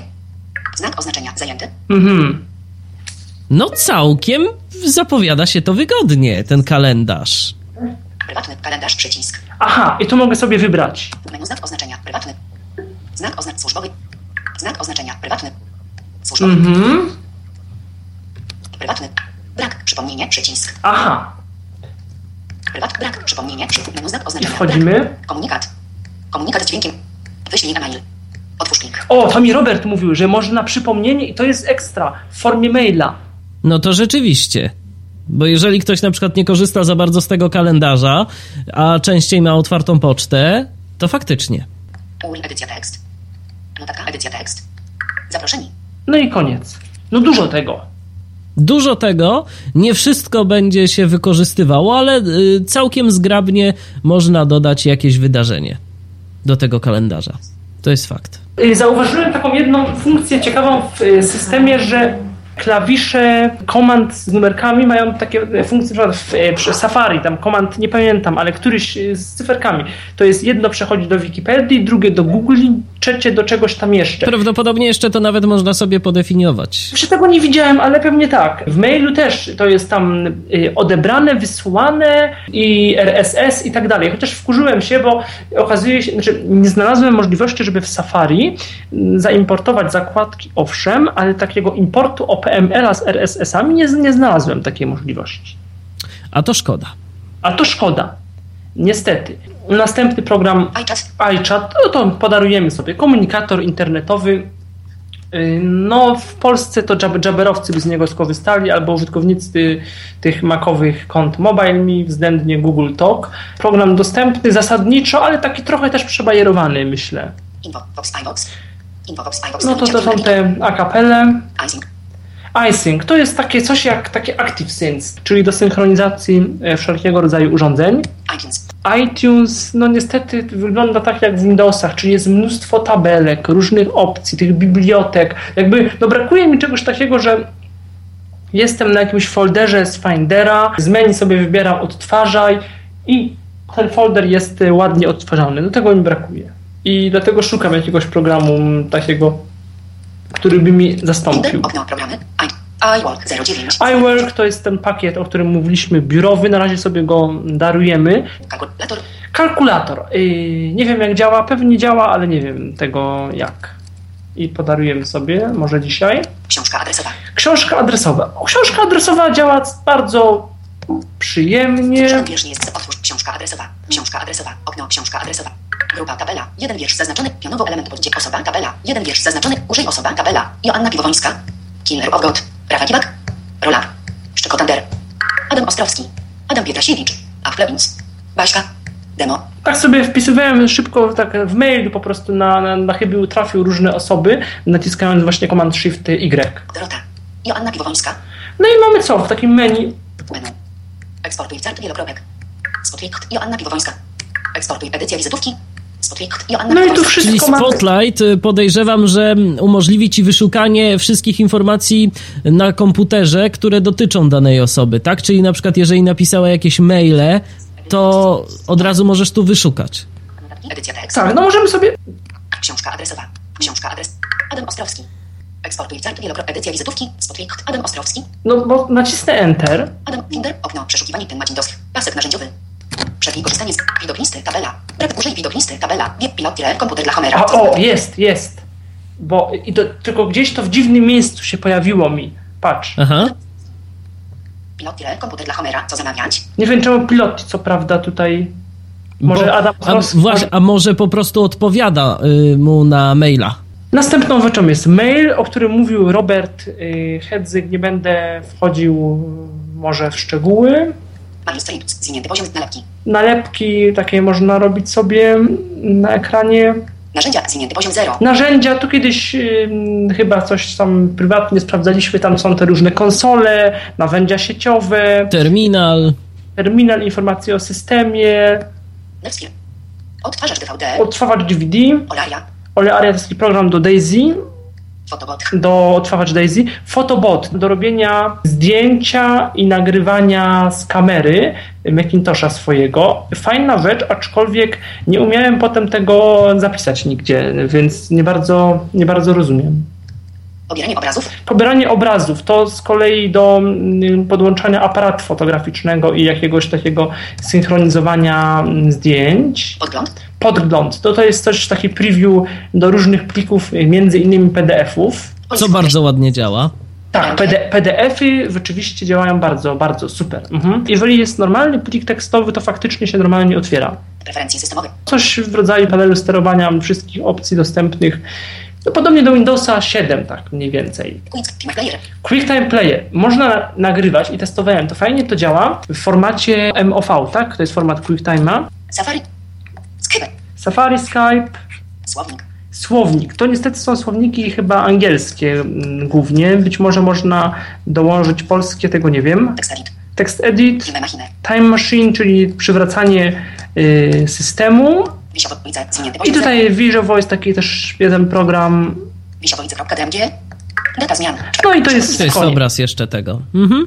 To w czym przypomnijmy, w czym się znajdowaliśmy? W To- Finderze. To, to, tak, y, w Finderze, w programach, tak. No w Windowsie mamy menu start, taką wirtualną w gruncie rzeczy podsekcję programy, a tu mamy od razu skok do tego takiego folderu programy, niejako program files. No, zawsze można skorzystać z pomocy, zarówno z pomocy voiceovera, czyli y, VH, Pomoc voiceover menu. Sześć rzeczy. Pomoc. Pierwsze kroki. Pomoc internetowa. Control opcja. Pytanie. Pomoc poleceń menu. Control opcja. H, H. o, to jest bardzo dobre, tylko że żmudnie się z tego korzysta, ale rozwijamy z czałką. Pomoc poleceń menu. 13 rzeczy. Ogólne menu. Informacje menu. Nawigacja menu. Tekst menu. www menu. Znajdź menu. Tabela menu. No znajdź na przykład. Znajdź I menu. teraz rozwijamy to. Znajdź menu 47 rzeczy. Otwórz menu znajdowania poleceń. Control opcja Shift F. Znajdź Control opcja F.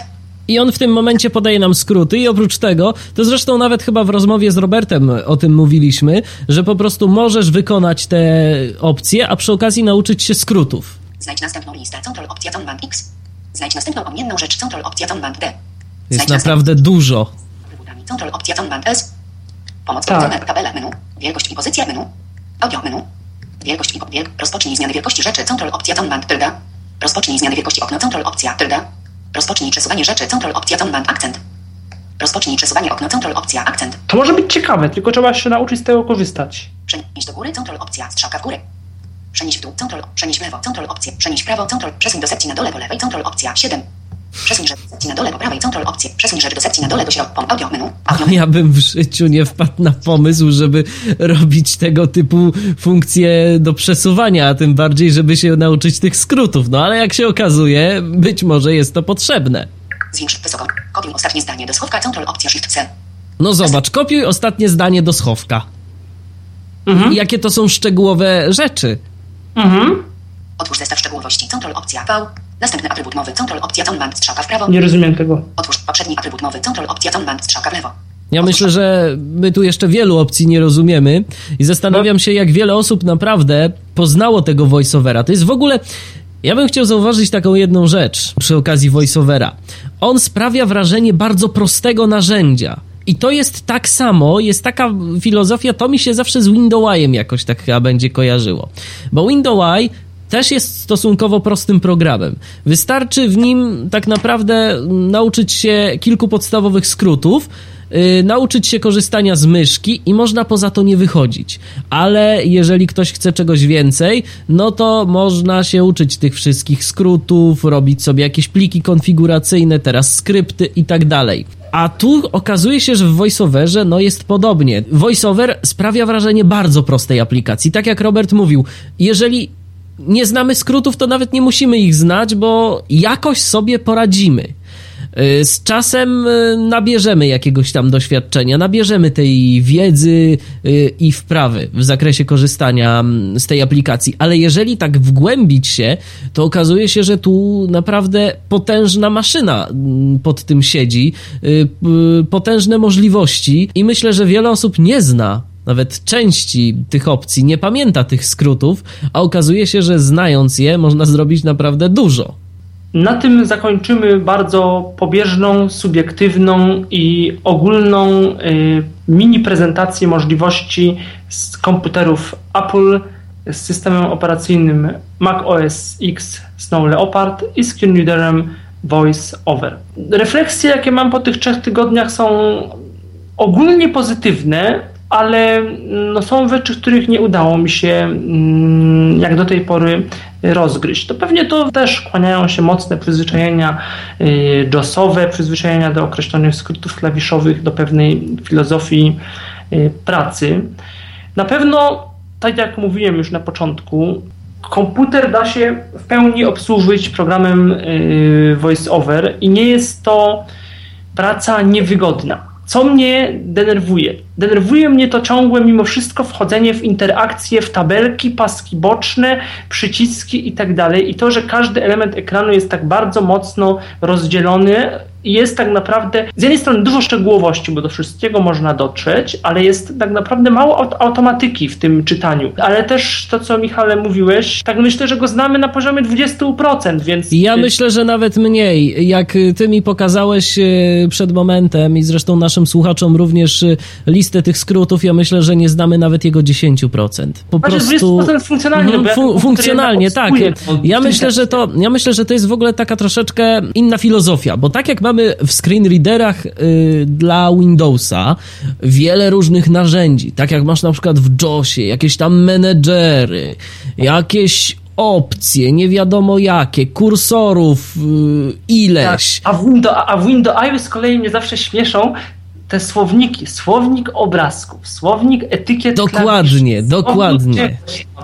Jest tych narzędzi bardzo duża ilość, a tu mamy tak naprawdę, no jakieś tam powiedzmy m, punkty do ustawienia, o których yy, wspominaliśmy. A my jeszcze mamy, w VoiceOverze są w ogóle jeszcze powiększe, narzędzia jakieś powiększające. Natomiast w VoiceOverze tak naprawdę, no mamy jakieś tam powiedzmy te punkty, chyba że jeszcze o czymś nie wiemy, ale mamy jakieś tam te punkty do oznaczenia i kilka takich najpotrzebniejszych narzędzi, a wszystko robi się tak naprawdę tym voiceover kursorem. Do wszystkiego się dociera i ty mówisz, że nie ma automatyki jako takiej.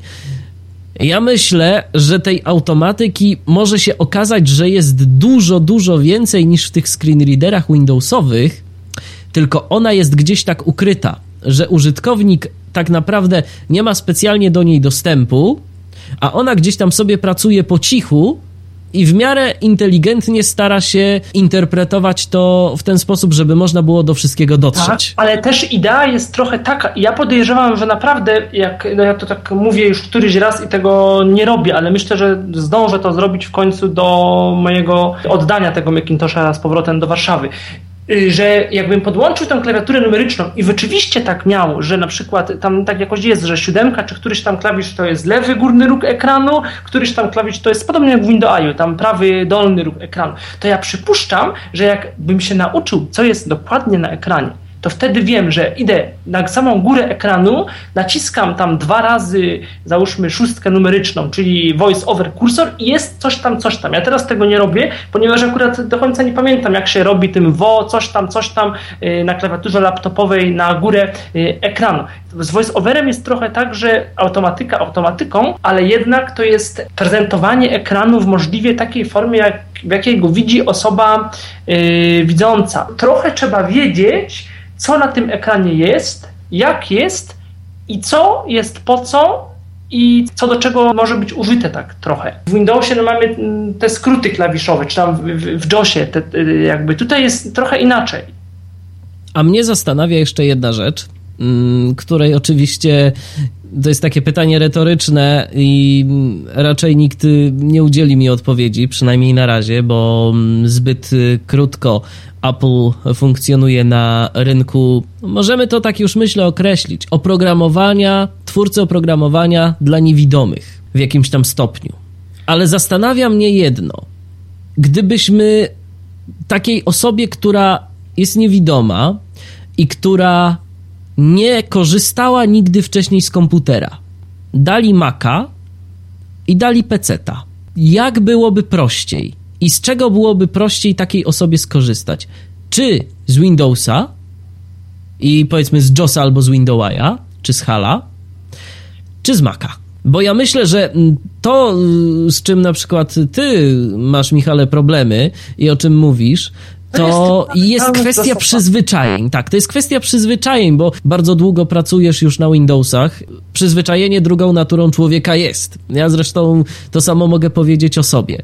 I zastanawiam się, na ile jest wygodne korzystanie z, z tego Maca dla osoby, która zupełnie wcześniej nigdy nie miała do czynienia z komputerem. To skoro tak sobie jeszcze rozmawiamy odnośnie y, Maca, to może podsumujmy takie punkty Twoim zdaniem, Michale, może za i przeciw co według ciebie, jako takiego świeżego użytkownika Maca, przekonuje do tego komputera, co cię zniechęca? Wspominałeś już, że cię te tabele zniechęcają nieszczęsne w Finderze.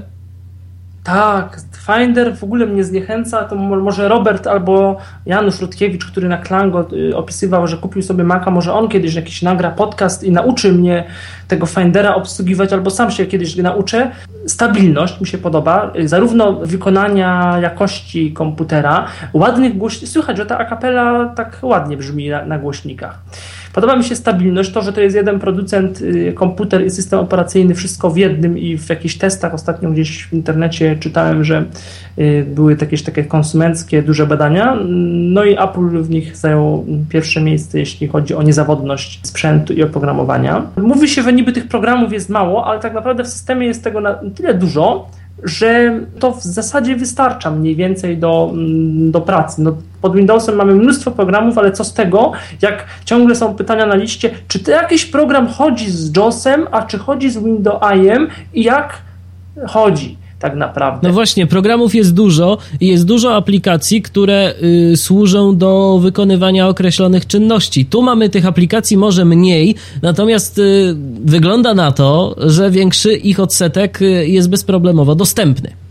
Tak, a zarazem jest jakby no to, co jest w systemie, nam mniej więcej powinno mm, zasadniczo wystarczyć. To znaczy, no z jednej strony można też powiedzieć, że to jest takie ograniczenie, że to tak tylko to, co Apple, no bo to trochę tak jest, że Apple, mm, tak jak Sony, są takie firmy, które no gdzieś tam mocno są zamknięte na tą swoją technologię. Z jednej strony tak, ale z drugiej strony to gwarantuje no, większą, yy, większe wsparcie i większą niezawodność tego, co kupujemy. Co jeszcze przeważa yy, dla mnie za Applem? Y, stabilność voice-overa. Przez te trzy tygodnie, y, a intensywnie pracowałem, instalowałem różne programy, starałem się wszystko na nim robić na komputerze. Y, no zawiesiłem go raz, ale tylko jakąś zewnętrzną aplikacją Ghost Reader wersja mm, beta, to jest taki, taki text allowed na Maca, a tak nie udało mi się go ani razu zawiesić, jak gdybym go zawiesił, to by się z tego co wiem uruchomił po raz, po raz drugi, przynajmniej no, gdyby to się tak systemowo jakoś zawiesiło. Za Maciem przemawia mm, screenreader wbudowany w system w tym sensie, że nie musimy się martwić o licencję.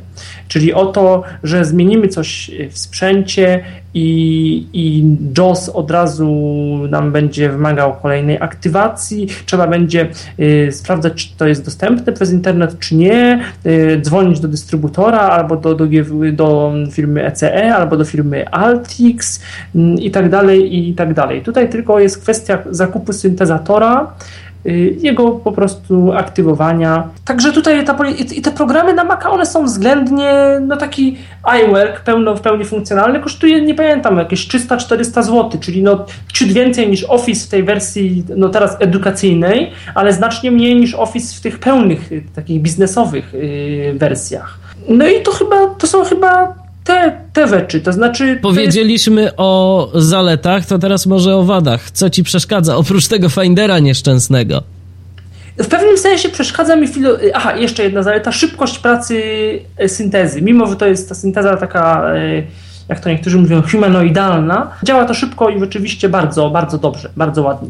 Co mi przeszkadza? Nie podoba mi się specjalnie ta filozofia pracy taka, to znaczy y, to, że ze wszystkim trzeba wchodzić w interakcję. No, Robertowi, y, jak z nim rozmawialiśmy, mówił, że to jest fajne, bo mogę sobie pobieżnie chodzić po ekranie. Może i tak, ale ja bym wolał, żeby na przykład jak zamykam y, folder i przechodzę do kolejnego folderu i mówi mi, że 9 y, tam, tabela 9 y, wierszy, coś tam, coś tam, no to wolałbym, żeby on mi sam już rozwinął tą tabelę, a żebym nie musiał rozwijać danego elementu ekranu i tej całej listy mm, plików za każdym razem. Tak mi się wydaje, chyba że ja po prostu jeszcze zbyt mało wiem o budowie tego ekranu, o rozmieszczeniu wszystkich y, elementów i być może znam za mało skrótów, nie wiem, klawiszowych na przykład. No właśnie, bo tych skrótów jest tam dosyć dużo. A jeszcze one mi się tak mylą, bo on je tak śmiesznie czyta zamiast wo, command, option. I tu command, option, za chwilę shift, Kontrol, coś tam, kontrol. Trzeba mieć sprawne palce, po prostu. Też się okazuje. Czasem jest tak, że musisz nacisnąć powiedzmy cztery klawisze jednocześnie. Tak, i dlatego ja uważam, że ta klawiatura, bo to się powtarzam chyba już po raz piąty, numeryczna, w jakiś sposób problem rozwiąże. A w ogóle sprawne palce to można mm, sobie używać tego gładzika też, którym możemy gestami mm, używać określonych poleceń,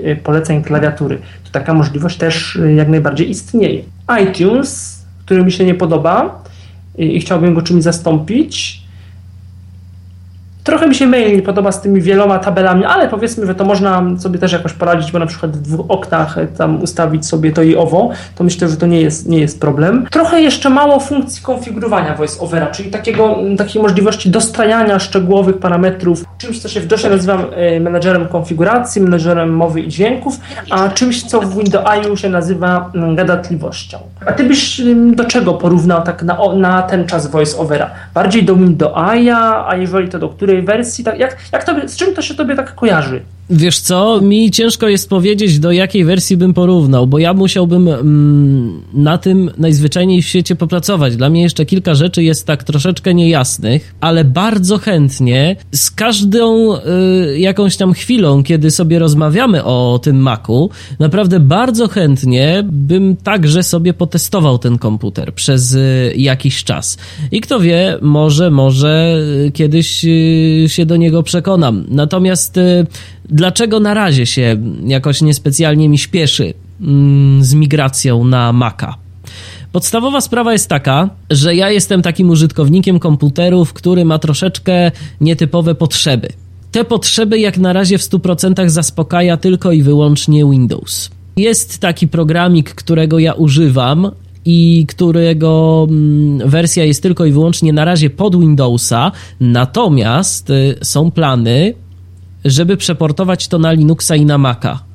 Jeżeli okaże się, że na Macu jest to dostępne z voiceoverem, to tak prawdę mówiąc nie będę miał już żadnych y, powodów, żeby zostać przy Windowsie bo y, z tego co, co widzę, to jest, program Maillist. To jest program Maillist, to jest program, y, o którym swego czasu w Tyflo Podcaście opowiadałem, to jest program do automatyzacji emisji radiowej. Y, to jest taki specyficzny programik i właśnie mm, on mi się bardzo podoba, ja bardzo na nim lubię pracować mm, podczas prowadzenia jakiejś audycji na żywo, bo jest bardzo wygodny.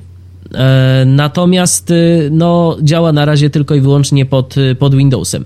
Ale jak tak y, widzę i słucham tego, o czym opowiadasz ty, jak słucham sobie audycji Roberta, jak jeszcze tam na Blind Kulteku słyszę te informacje dotyczące Maców, to już tak naprawdę tylko jedna rzecz, której niestety nikt mi nie zapewni pod makiem, mnie jeszcze oprócz tego mail lista yy, tak trochę odrzuca. Ja jestem strasznie przywiązany do mojego ulubionego syntezatora, do Apollo 2.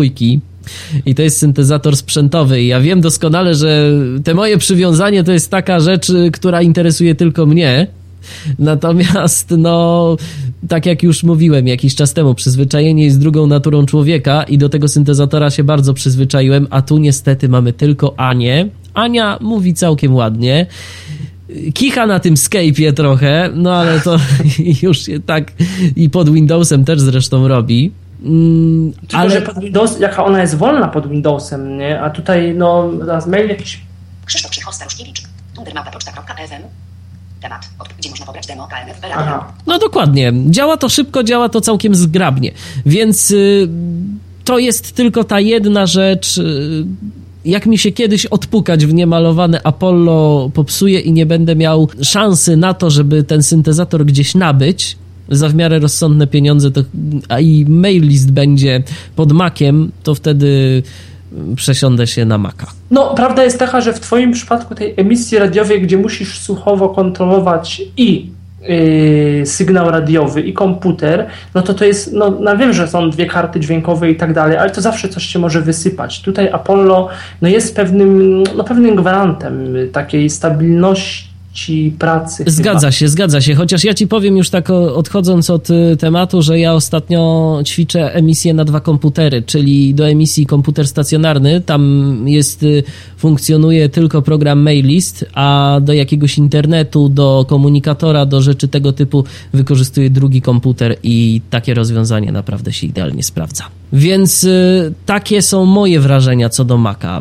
Ja bardzo chętnie potestuję, jeżeli kiedyś będę miał możliwość, y, jak mi się z tym będzie pracować, bo na razie, tak sądząc po opisach, to to jest bardzo przyjemny system. Ale bardziej dla Windowsowców niż dla JOSowców. Ja bym tego tak nie generalizował, wiesz, dla Windowsowców, dla JOSowców, bo ja znam użytkowników Windowsa, którzy myślę, że niejednego użytkownika JOSa mogliby zagiąć, jeżeli chodzi o rzeczy, które na tym screenreaderze są w stanie wyczarować. I tak samo jest w drugą stronę. No w końcu, ile osób na JOSa narzeka, że nie wie, jak coś tam zrobić za pomocą Hmm, tego ale programu. Mi, tak, tak, ale mi chodzi nie o teraz o poziom znajomości i tego, co można zrobić, tylko o taką mentalność pracy. A to już zależy, wiesz, ja bym tego też tak nie traktował. My tu bardzo uprościliśmy temat, że Windows to jest y, rzecz, która y, tylko i wyłącznie myszka, on ma naprawdę bardzo dużą ilość skrótów, ale po prostu ta myszka jest wygodniejsza. I to tylko o to chodzi, że ta No i myszka... Voice, I w Mhm. VoiceOverze jest tak samo. Też masz dużą ilość skrótów, ale VoiceOver kursor jest wygodniejszy. Zgadza się, tylko mm, tu jest jeszcze jedna rzecz, że na przykład y, do wielu elementów na Macu nie dojdziesz w inny sposób niż za pomocą voiceover kursora. A w Windowsie to mm, albo po prostu.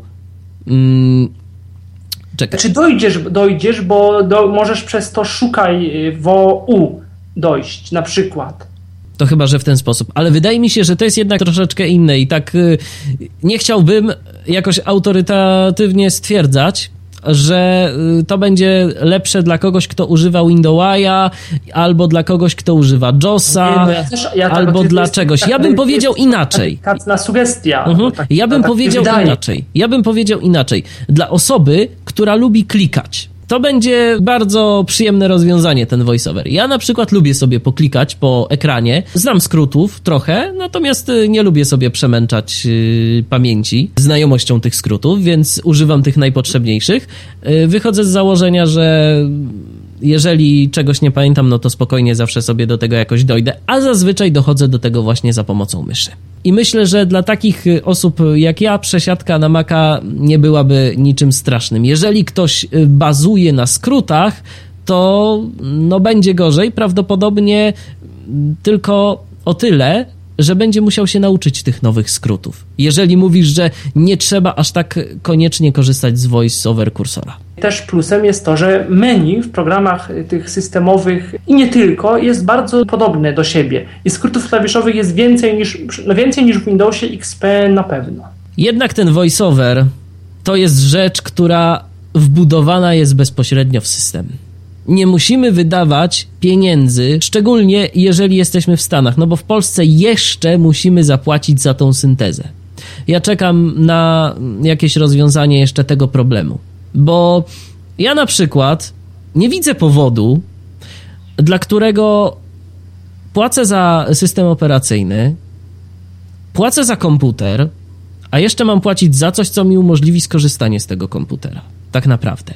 Ja rozumiem, każdy chce zarobić. Dobrze, że są programy komputer dla Homera. Natomiast gdyby Microsoft miał podejście podobne do Apple'a, to ja myślę, że wszyscy by na tym skorzystali, poza może kilkoma firmami takimi ze Stanów i z Wielkiej Brytanii. Wtedy te firmy po prostu by się zajęły szkoleniami i jakimiś takimi gadżetami, które by, y, albo bardzo specjalistycznymi rozwiązaniami, typowo edukacyjnymi, pracowniczymi, czyli jakimiś skryptami, po prostu bardzo pogłębionym wsparciem y, technicznym i wsparciem użytkowników w wszelakich y, rodzajach pracy. Jak jakieś Dokładnie. na przykład dodatki do owego voice-overa, które właśnie umożliwiają pracę z jakąś emisją radiową, z jakimiś specjalistycznymi narzędziami biznesowymi, z jakimiś y, rzeczami edukacyjnymi, czyli takie, takie coś po prostu, co jest, y, co, moż, co, już, co można kupić, ale nie jest to jakieś bardzo konieczne.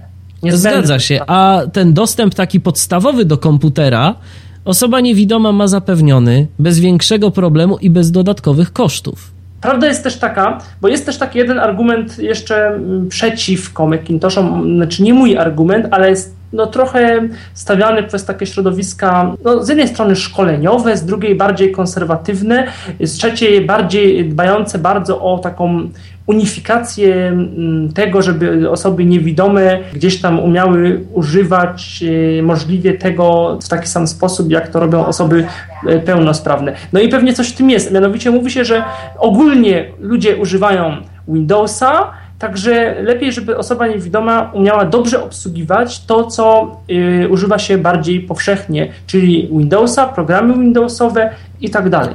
No a tu już wchodzimy, Michale, na bardzo ciekawy temat, bo rzeczywiście, jeżeli ktoś myśli o y, wykorzystywaniu komputera do takiej pracy, ale ja bym powiedział, że do takiej pracy na konkretnych aplikacjach bardziej, bo jeżeli ma być to praca, dajmy na to, polegająca na pisaniu dokumentów, czy na wykonywaniu jakichś określonych e, rzeczy, określonych czynności biurowych, to myślę, że nie ma większego znaczenia na czym e, ktoś to zrobi, byleby mm, praca wynikowa była wypluwana w formacie, który mm, dana firma obsługuje. Natomiast tak. problem jest innej natury. Tylko znowu zastanówmy się przez chwilę. Czy tak naprawdę aplikacje wykorzystywane w różnego rodzaju instytucjach, czy one są dostępne? Śmiem twierdzić, że nie. No tak. Więc Oczywiście. ten argument pozwolę sobie zbić, bo gdyby było tak, że aplikacje, które wykorzystywane są na przykład, no mówi się, że, że SAP w jakimś tam stopniu y, jest dostępny, ale no, tak jak rozmawialiśmy kiedyś, no... SAP jest dostępny mniej więcej tak jak iTunes pod Windowsa, czyli rzeczywiście da się z nim naprawdę pracować, tylko czy jest to użyteczne? Właśnie. No i pytanie, ile osób niewidomych pracuje w Polsce na systemach SAP? A na świecie też no wątpię, żeby to były, bo to jednak jest system dla no, osób z wiedzą specjalistyczną, albo HR-owską, albo ekonomiczną. No właśnie, ale wracając do tego, to ja myślę, że taki problem większy to y, byłby w takich instytucjach, które naprawdę mm, zatrudniają tych niewidomych, ale u nas w Polsce, no jest tych kilka firm, które oferują tam powiedzmy jakąś telepracę i to chyba jedynie tyle. A jeżeli ktoś y, pracuje na jakimś otwartym rynku, to zastanawiam się, jak duży odsetek jest takich osób, które wykorzystują konkretne biurowe aplikacje napisane pod konkretną firmę, które można odpalić tylko i wyłącznie na systemach Windows.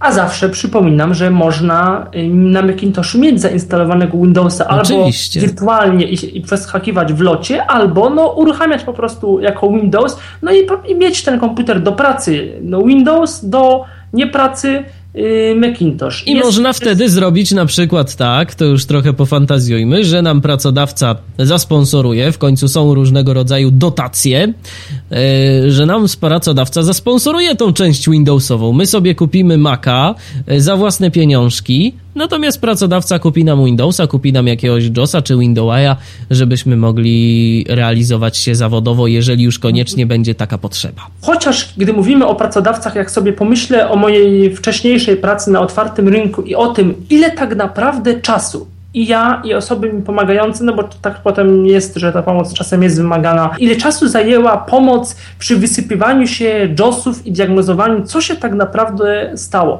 A JOS generalnie jest stabilnym programem. To, to nie jest program, no, który, nie wiem, jakoś bardzo się komputery zawiesza, komputery rozwala. No a zdarzyło mi się przez dwa lata kilka takich e, razy. Błaha jakaś sprawa yy, spowodowała no, wysypanie się owego JOSa, albo to, że z kimś się pracuje i teraz JOS czyta tak, a na ekranie jest coś widziane zupełnie inaczej. Tutaj w Macintoshach no, co by nie rzec, tych problemów nie ma, bo VoiceOver jako część integralna systemu jest bardziej stabilna, a pomoce wizualne sprawiają, takie, takie funkcje w VoiceOverze, które można włączyć, sprawiają, że osoba y, widząca dokładnie widzi, gdzie jest kursor VoiceOver, czyli to, co jest nam czytane, a my y, możemy śledzić mniej więcej y, VoiceOver kursorem, ekran w taki sposób, jak to widzi osoba y, widząca. Więc tak Także... tak ogólnie, Michale, podsumowując tą naszą rozmowę i tą naszą prezentację,